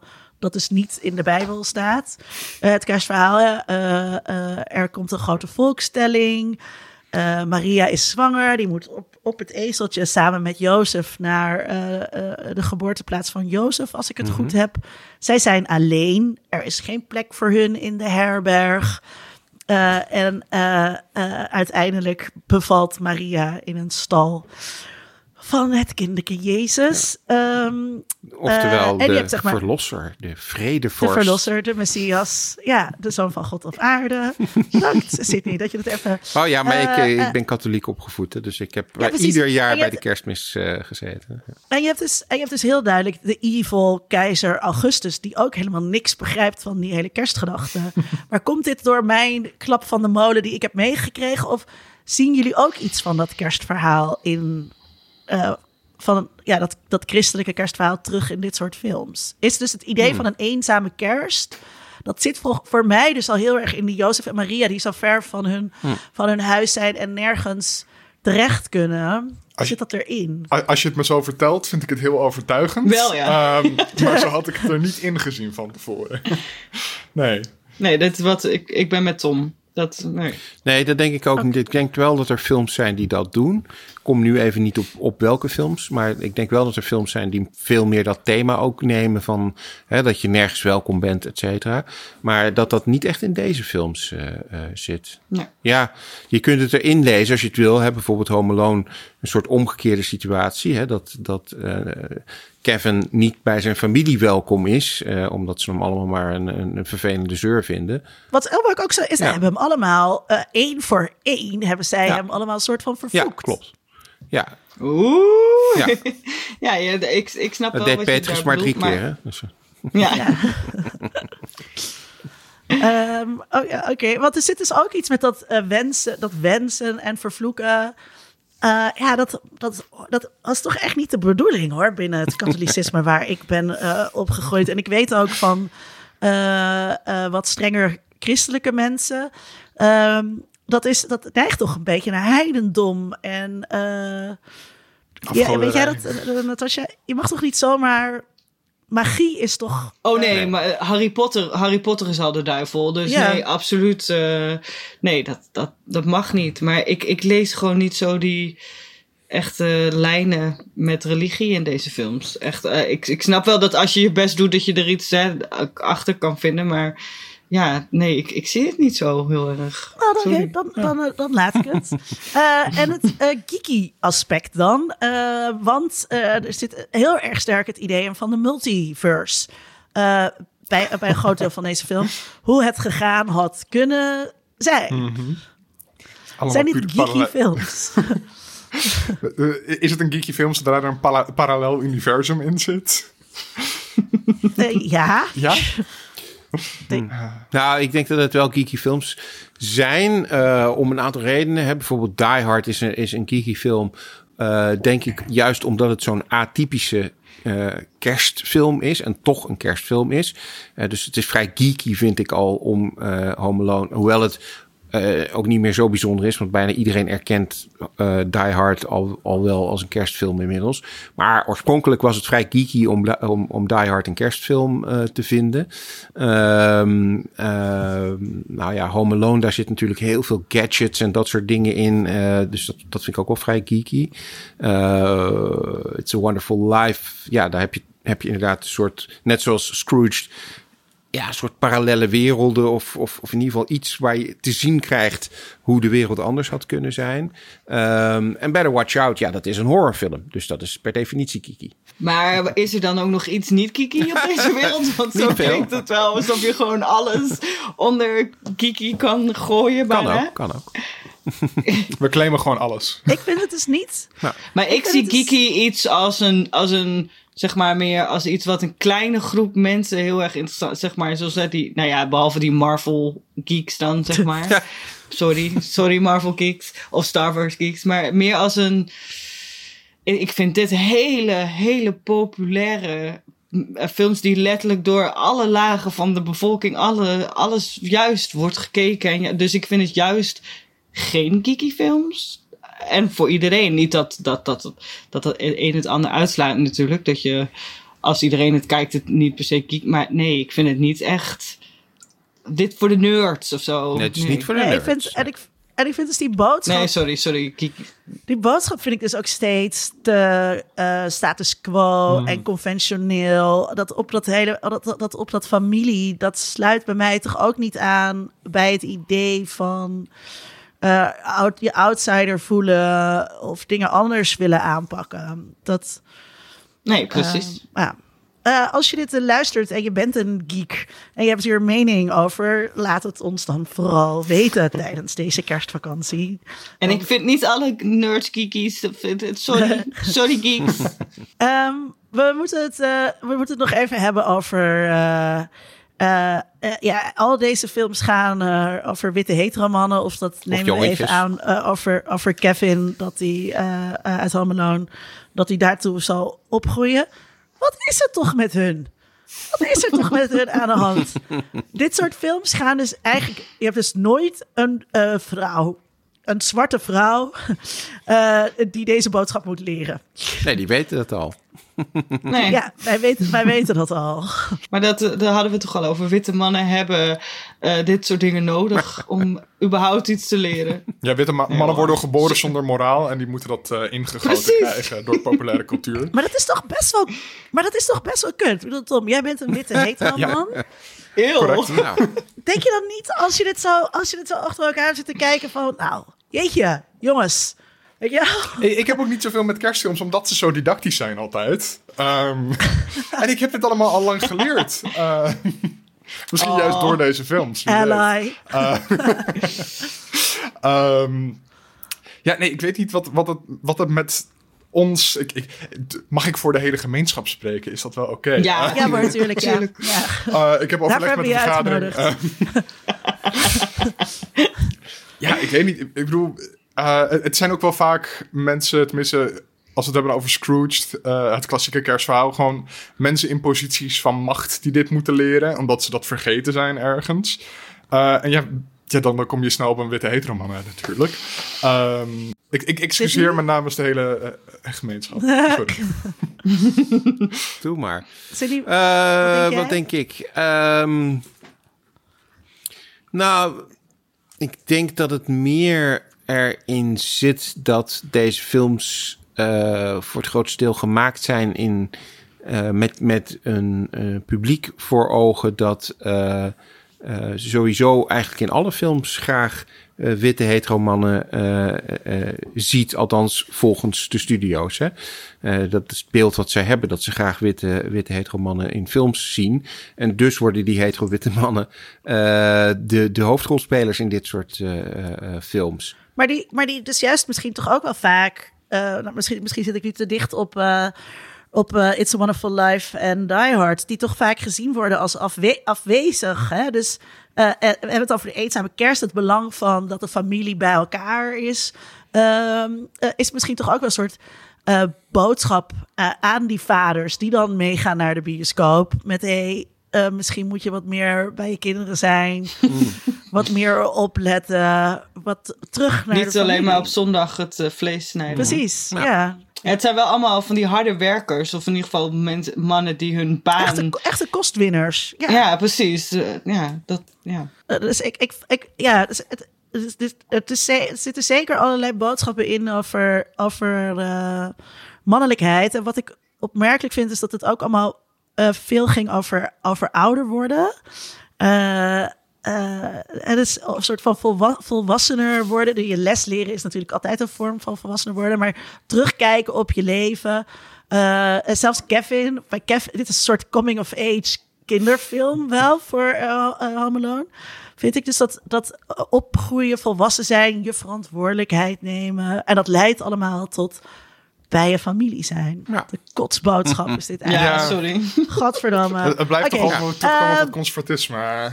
Ja, toch? Ja, of het Ehm, leidt tot dode babysitters. Toen, eh, ja, dat ook. doen, doen dit soort films. Ja, ik weet niet, maar misschien voelen jullie. Ik voel me dus altijd heel alleen tijdens de kerst. Of ik, ja. Eh, ik weet niet of dat voor jullie ook geldt. Maar eh, dus misschien. Hebben die- wij elkaar niet heel erg gevonden ooit een keer? Zeker, omdat we zeker. Ja, ja, ja, kerst, ja. eh, Wij niet zijn- de leukste tijd. Wij zijn, wij zijn kerstweesmaatjes. Eh, eh, en eh, dat is heel fijn. Love you. Ehm, eh, maar dus misschien kan je de je in deze vraag meer een soort algemeen invullen. Eh, doen dit soort films je op eh, met kerst meer of minder alleen voelen? Aan, aan, aan het hele panel. Nou, Sydney, eh, Wat denk jij? minder alleen, eh, maar dat, dat geldt gewoon voor alle, alle, alle dingen op televisie eigenlijk. Eh, omdat je dat je je minder alleen voelt als je het Ja, kijkt. omdat je, of tenminste voor mij geldt dan, dat je... Omdat er toch geluid in huis nou ja, geluid, eh, andere mensen. Je, bent, je gaat op in een verhaal. Je bent met die karakters samen. Eh, dus in ieder geval tijdens het kijken van de films voelde ik me eh, minder alleen dan, dan als ik ze niet kijk, zeg maar. Ja, Dan als je geen films Ja. kijkt. denk ik. Maar je kunt ook, wat was die gekke film nou die je aan het begin aanraden? Die Predator-achtige film. Jiu-jitsu. ja, je kan ook Jiu-Jitsu kijken. Ja. En dan denk je, oké, Nicolas Cage, die ken ik. ja, is dat mijn is mijn vriend. vriend. Maar dus, dus, dus eh, Ik, ik, ik ben het er niet helemaal mee eens. Want ik denk tijdens het kijken, dan, dan ga je erin op en hoef je even niet aan jezelf te denken. Maar als ik Home Alone dan dat einde zie. En ik, ik zit al jaren niet meer alleen thuis, maar met kerst, jammer genoeg soms nu. maar eh, eh, dan, ik, ik zou dan echt eh, denken, die televisie uitzetten en denken: oh shit, nou, mijn eh opa en oma hebben me niet gebeld om op bezoek te komen terwijl het niet mocht, weet je wel. Wat is dit voor fucking kutzooi? Ik ga nu in bed huilen. Bye. Ja, dat, dat, dat, die reactie kan ik me ook voorstellen. ja. Ja. Tom, wat denk jij? Ik kan me heel goed voorstellen inderdaad dat het een soort... Omdat überhaupt al vanuit die films dat idee komt van... Je mag niet alleen zijn met kerst. Dus dan ga je die film maar kijken om niet alleen te zijn met kerst. En dan is die film afgelopen en dan ben je nog meer alleen met kerst. Ik, ik, voor mij is het dus, ehm, maar dat heb ik ook met kerstliedjes. Ik vind het dus allemaal heel leuk in aanloop naar de kerst. Ja. En dus ook dit soort films. En dan kan ik huilen bij Scrooged. En dan is het kerst. En dan ga ik, ga ik geen kerstliedjes luisteren of kerstfilms kijken. Nee, dan, dan, eh, dan ga ik gewoon alle Star Wars herkijken of zo. Of iets, eh, iets doen wat je daar niet aan, aan die kerst herinnert. In a world. In a world. World. World. World. In a world. We gaan, we gaan eindigen lekker, eh, lekker depressief. Nee hoor, beste luisteraar. Want eh, we gaan ook nog eh, eh, je tips geven. Of dingen waar wij naar uitzien. Want we zien ook naar dingen uit. Oh ja? Echt waar. er is licht in deze duisternis van de donkere dagen. Ehm, eh, wie wil beginnen? Sydney. Nou, waar ik naar uitkijk zijn eh, de vele, vele, vele eh, eh, aan, Dagen dat je alleen bent. Nee, sorry. eh, vele aan, aangekondigde nieuwe films en series eh, van Disney. Eh, Zoveel. En het zijn er heel veel. Het, eh, het gaat van Marvel naar Star Wars tot en met Alien. Er komt een daadwerkelijke Alien eh, eh, televisieserie. Want Fox is Oh, shit, ook van, eh, van Disney.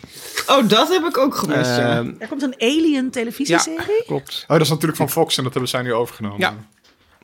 En er komen, er komen vanaf Tof. volgend jaar komen ook wat meer van de volwassen films op Disney Plus. Nu is het heel erg familie, maar dat gaat, gaat veranderen. Ehm, heel veel Marvel is, is aangekondigd. Een deel daarvan eh, komt ook dit jaar al, zoals Wanda and the Vision. Eh, of WandaVision heet het eigenlijk. Ehm, maar waar ik vooral naar uitkijk zijn de Star Wars dingen die aangekondigd zijn. Eh, de laatste aflevering van The Mandalorian zagen we in de post-credit eh, de aankondiging van The Book of Boba Fett. Spoilers. Nee, is geen spoiler. Dat, is, Oh. het is gewoon een soort reclamefilmpje eigenlijk voor de nieuwe serie over Boba Fett volgend jaar. Ehm, volgend jaar krijgen we ook eindelijk de Andor, Cassian Andor televisieserie. Dus de spin-off van Rogue One. We krijgen een Rogue Squadron film. Dat is echt een bioscoopfilm. Eh, er komt uiteindelijk een eh, Lando Calrissian televisieserie. En Obi-Wan Kenobi.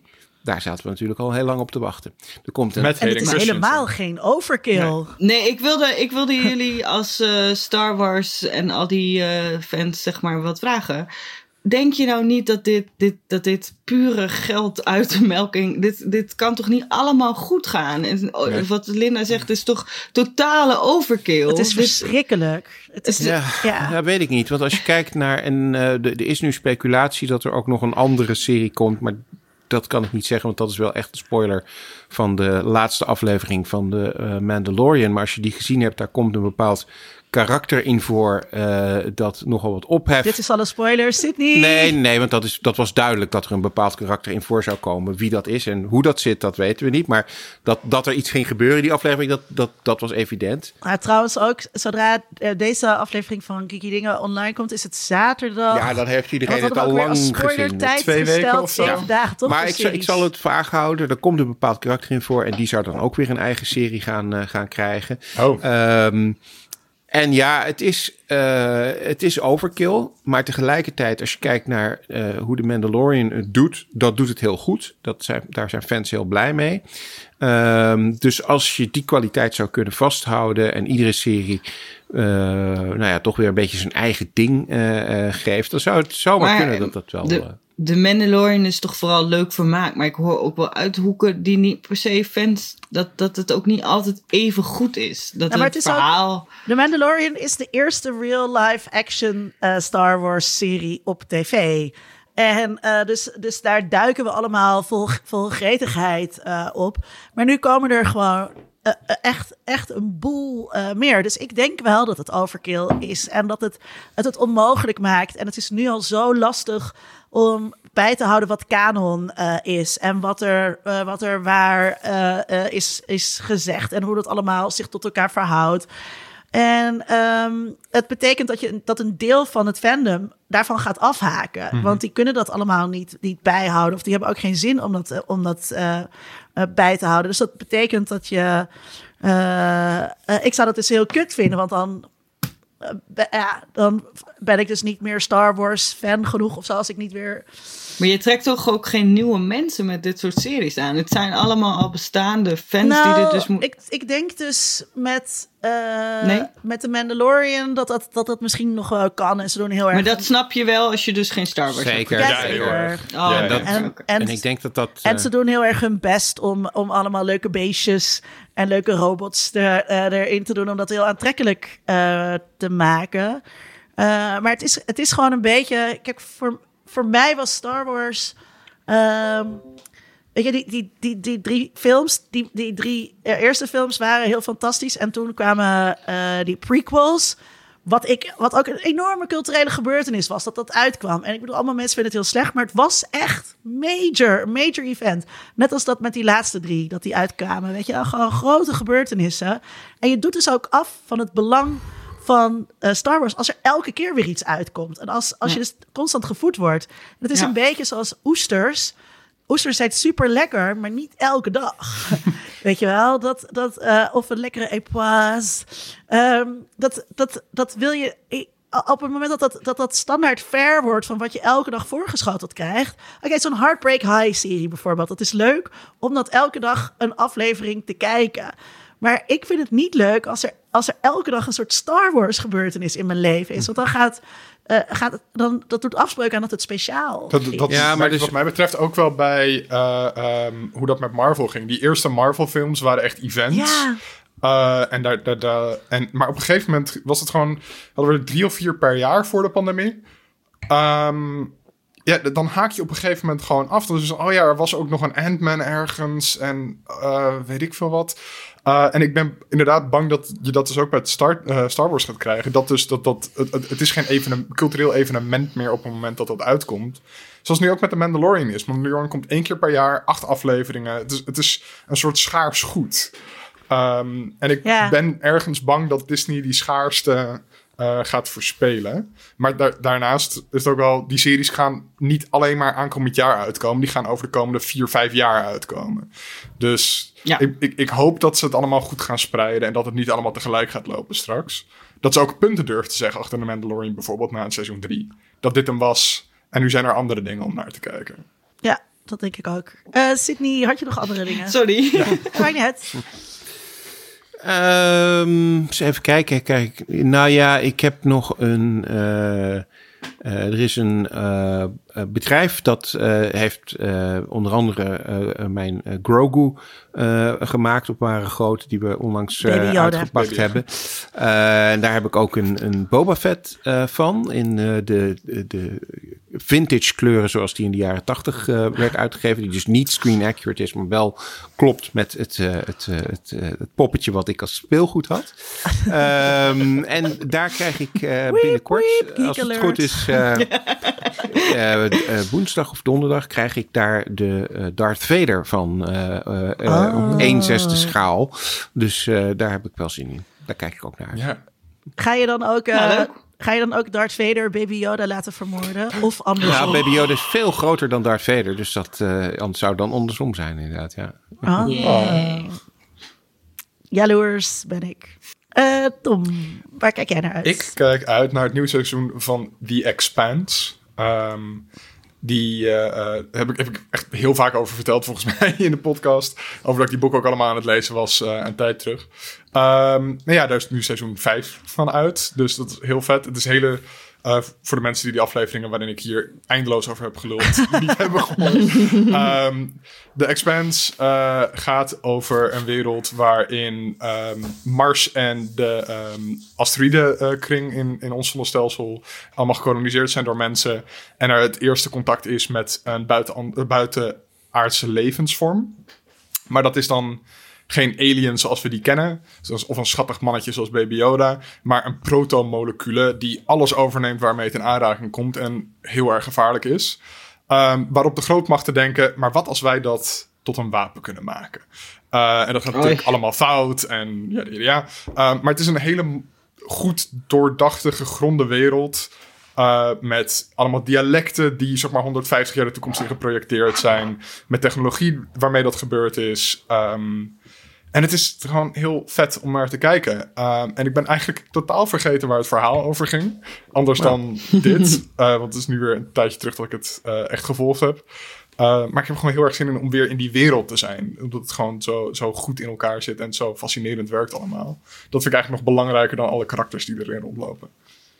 Dus ik kijk er gewoon heel erg naar uit. Ik, de, qua sci-fi is er ook niet heel veel beter, denk ik, op dit moment, toch? Op de televisie. Nee, absoluut niet. Behalve, behalve Star Wars dingen dan, maar ja, dat is weer science fantasy eigen. Dat is niet beter. Uh, nee, Star Wars is inderdaad... ik, ik, ja, Mandalorian is leuker, maar niet beter. Ja. Goed zo. Uh, en jij, Natasja? Nou, ik uh, vond het ook aardig in de televisiewereld. Ik zit echt met smachten wa wachten op het derde seizoen van Succession. Mm -hmm. Echt, het kan me niet vroeg genoeg. En dan staat er als, uh, uh, als datum, zeg maar, ergens in 2021. Dus laten we hopen dat dat, dat dat het begin zal zijn. Want ik zag dat filmen en alles is afgerond. Oh. En ik ben. ja, ja het, is, het is nu in, alleen nog in, hoe heet dat, post-production. Mm -hmm. Is het nu? Of nee, dat is voor. Hoe heet het na? Nee, post. zeg ja, maar, ja, dat is postproductie. Ja. ja, post. Ja, ja, ja, dat zie je. ja. ja dankjewel. Uh, dus dat, dat, dat moet toch een keer goed gaan kopen, uh, komen, lijkt mij. En uh, ik, ik zag iets over... ik ben dus ook niet zo'n Marvel-fan, maar de, de, Loki komt begin... waar komt een televisieserie van? Hebben jullie daar al over gehad? Nog niet, nee, maar die... Nee, dat, uh, dus, en, uh, dat, ik zag de trailer en toen dacht ik, oh, nou, voor een Marvel, uh, zeg maar, film naar televisieserie ziet dit, heeft dit wel potentie. Ja. Lijkt mij. Klopt. Dus dat, en ik, en ik wil gewoon eigenlijk dat Scream 5 dit jaar uitkomt. Maar dat moeten we jammer genoeg nog helemaal tot 2022 opwachten. Want wat zeg maar voor jullie Star Wars is, is voor mij Scream, denk ik. En ik ben heel blij dat er een Ali Alien-serie komt, want dat vind ik uh, daadwerkelijk de beste film aller tijden. En, uh, ja, Ik ben echt wel benieuwd hoe ze dat gaan doen, uh, Alien en serie. speelt zich, Ja, ik eh, ook. eh, zo- het speelt zich op de aarde af. Dus het gaat denk ik eh, Oh. vooral over Wayland, Wayland Yutani en, eh, en de dingen die daar eh, misgaan. Ehm, en over Loki eh, gesproken, dat, is- dat is een tijdreisserie. Die, die speelt zich eh, in verschillende tijdzones af. Oh, Of tijdzones, tij- ik altijd. tijdperiodes, jaren. Ja. Eh, dat was hem, Natasja? Ja, ja nou, ik vond dit al heel wat eigenlijk. Eh, eh, ja, dat, dat, eh, dat snap ik. Ehm, ik, ik kijk uit naar het gaan bekijken van Slack Wars. Sla- het Slack Wars is ehm, een reality eh, van eh, een iconisch duo die de Cock Destroyers heten. En, Oh, sorry. eh, ja, dus dit is de- voor mensen met Instagram of die een beetje eh, in de queer scene zitten. eh, de, de, Cock Destroyers zijn twee sekswerkers die eh, ontzettend eh, grappige Instagrams hebben en helemaal om, om, omarmd zijn eh, door bepaalde mensen. En zij eh, gaan dan eigenlijk dus in de reality-serie op zoek naar de nieuwe Cock Destroyer. Eh, te kijken eh, gewoon eh, volgens mij op slackwars.com. Ehm, en ik heb, er zijn dus, ik, het is nu bekend wie het gaat worden, maar ik heb heel veel zin om dit te gaan kijken. waarschijnlijk met kerst. Het- dus het is, het is heel erg not suitable for work or family. Of wat dan ook. Ehm, dus eh, daar heb ik heel veel zin in. En eh, ik heb een tip eh, voor de mensen die vrezen een beetje eenzaam te zijn met kerst. Pride TV is een initiatief dat dit jaar tijdens de Pride, die natuurlijk eigenlijk afgelast was, is opgezet. Ehm, eh, en eh, de mensen daarachter, die hebben nu speciale kerst- en oud en nieuw shows opgenomen. Eh, ze hebben eh, voor kerst zijn het drie aparte shows. Dus er is echt een kerstavondshow, een eerste kerstdag en een tweede kerstdag. En er is ook een aparte oud en nieuw show. Ik zeg opgenomen, ja. Dus het, is, het lijkt dan live, maar het is natuurlijk opgenomen. Ehm, en dat, daar zijn allemaal hele leuke mensen te zien. Eh, bijvoorbeeld ik. Ik ben op tweede kerstdag te gast. Maar het is echt dus bedoeld juist voor LBT'ers die zich soms eenzaam kunnen voelen tijdens deze periode. Of niet LBT'ers die zich eenzaam kunnen voelen. Ehm, en het is te zien. even kijken hoor. Zit ik hier te kijken? Het Waar staat het nou? Oh ja, Eh, het is te zien via Salto, OutTV, Facebook of Instagram of via eh www.pride.amsterdam. Eh, en nou ja, ik was dus bij de opnames echt heel leuk en gezellig. Dus tune daar vooral in als je je eenzaam of niet voelt. Dat. Leuk. Ja, eh, en, eh, en eh, nee, verder zeg ik er niks over. Ehm, eh, Oké, ehm, als je deze aflevering luistert en je denkt, ik ben een beetje eenzaam of juist niet, of je wilt commentaar geven op wat we gezegd hebben of iets aanvullen, laat het dan ons vooral weten via Twitter of via Instagram, at Dingen. Als je dit een leuke aflevering vond en je kent iemand die misschien eenzaam is, of juist helemaal niet, of je kent iemand die wel een kerstboodschap kan gebruiken, of wel een soort kerstles zou moeten leren, omdat hij een evil kapitalist is, of een evil bureaucraat, of een evil patriarchale man, of wel gewoon een kutwijf, dat je al kent sinds dat je een klein kind was en ze ging op je passen. Eh, like dan deze podcast aan, aan die eh, persoon. Ehm, je kunt bij ons Patreon worden eh, als je ons graag wilt steunen. Eh, dat betekent dat als je eh 2 euro, toch? 2 euro. Als je 2 euro per maand eh pledged, dan krijg je de stream eerder altijd eh, eh, in je podcast-app. Dus dan kan jij je superieur voelen aan je medegeeks die het normaal pas op zaterdag krijgen. Twee dagen later. De, de stream heeft zelfs een, eh, in plaats van een, een groene achtergrond, een, een gouden achtergrond. Zodat je je extra speciaal kan doen. Kijk, kijk, een gouden achtergrond. Iedereen, Ja, zo, kan, je, kan je dit ook mensen cadeau doen voor de kerst? Eh, ja, je kan, eh, dat moet kunnen. Lijkt me wel. Je, je kan dat ik. linkje doorsturen, inderdaad. Je kan dat linkje dan doorsturen. Ja. Ja, geef, geef iemand. eh, maar, eh, eh, maar, dat, maar dat hoor je dan pas voor de volgende aflevering. Dus de volgende aflevering gaat over tung, tung, tung, natuurlijk de Mandalorian. Dus wil jij straks als eerste dat horen? Of ken je iemand die de super Star Wars fan is, waarvan je denkt die wil dat dus als, als eerste horen? Ehm, word dan Patreon of geef een Patreon cadeau. Kijk op patreon.com slash geekydingen.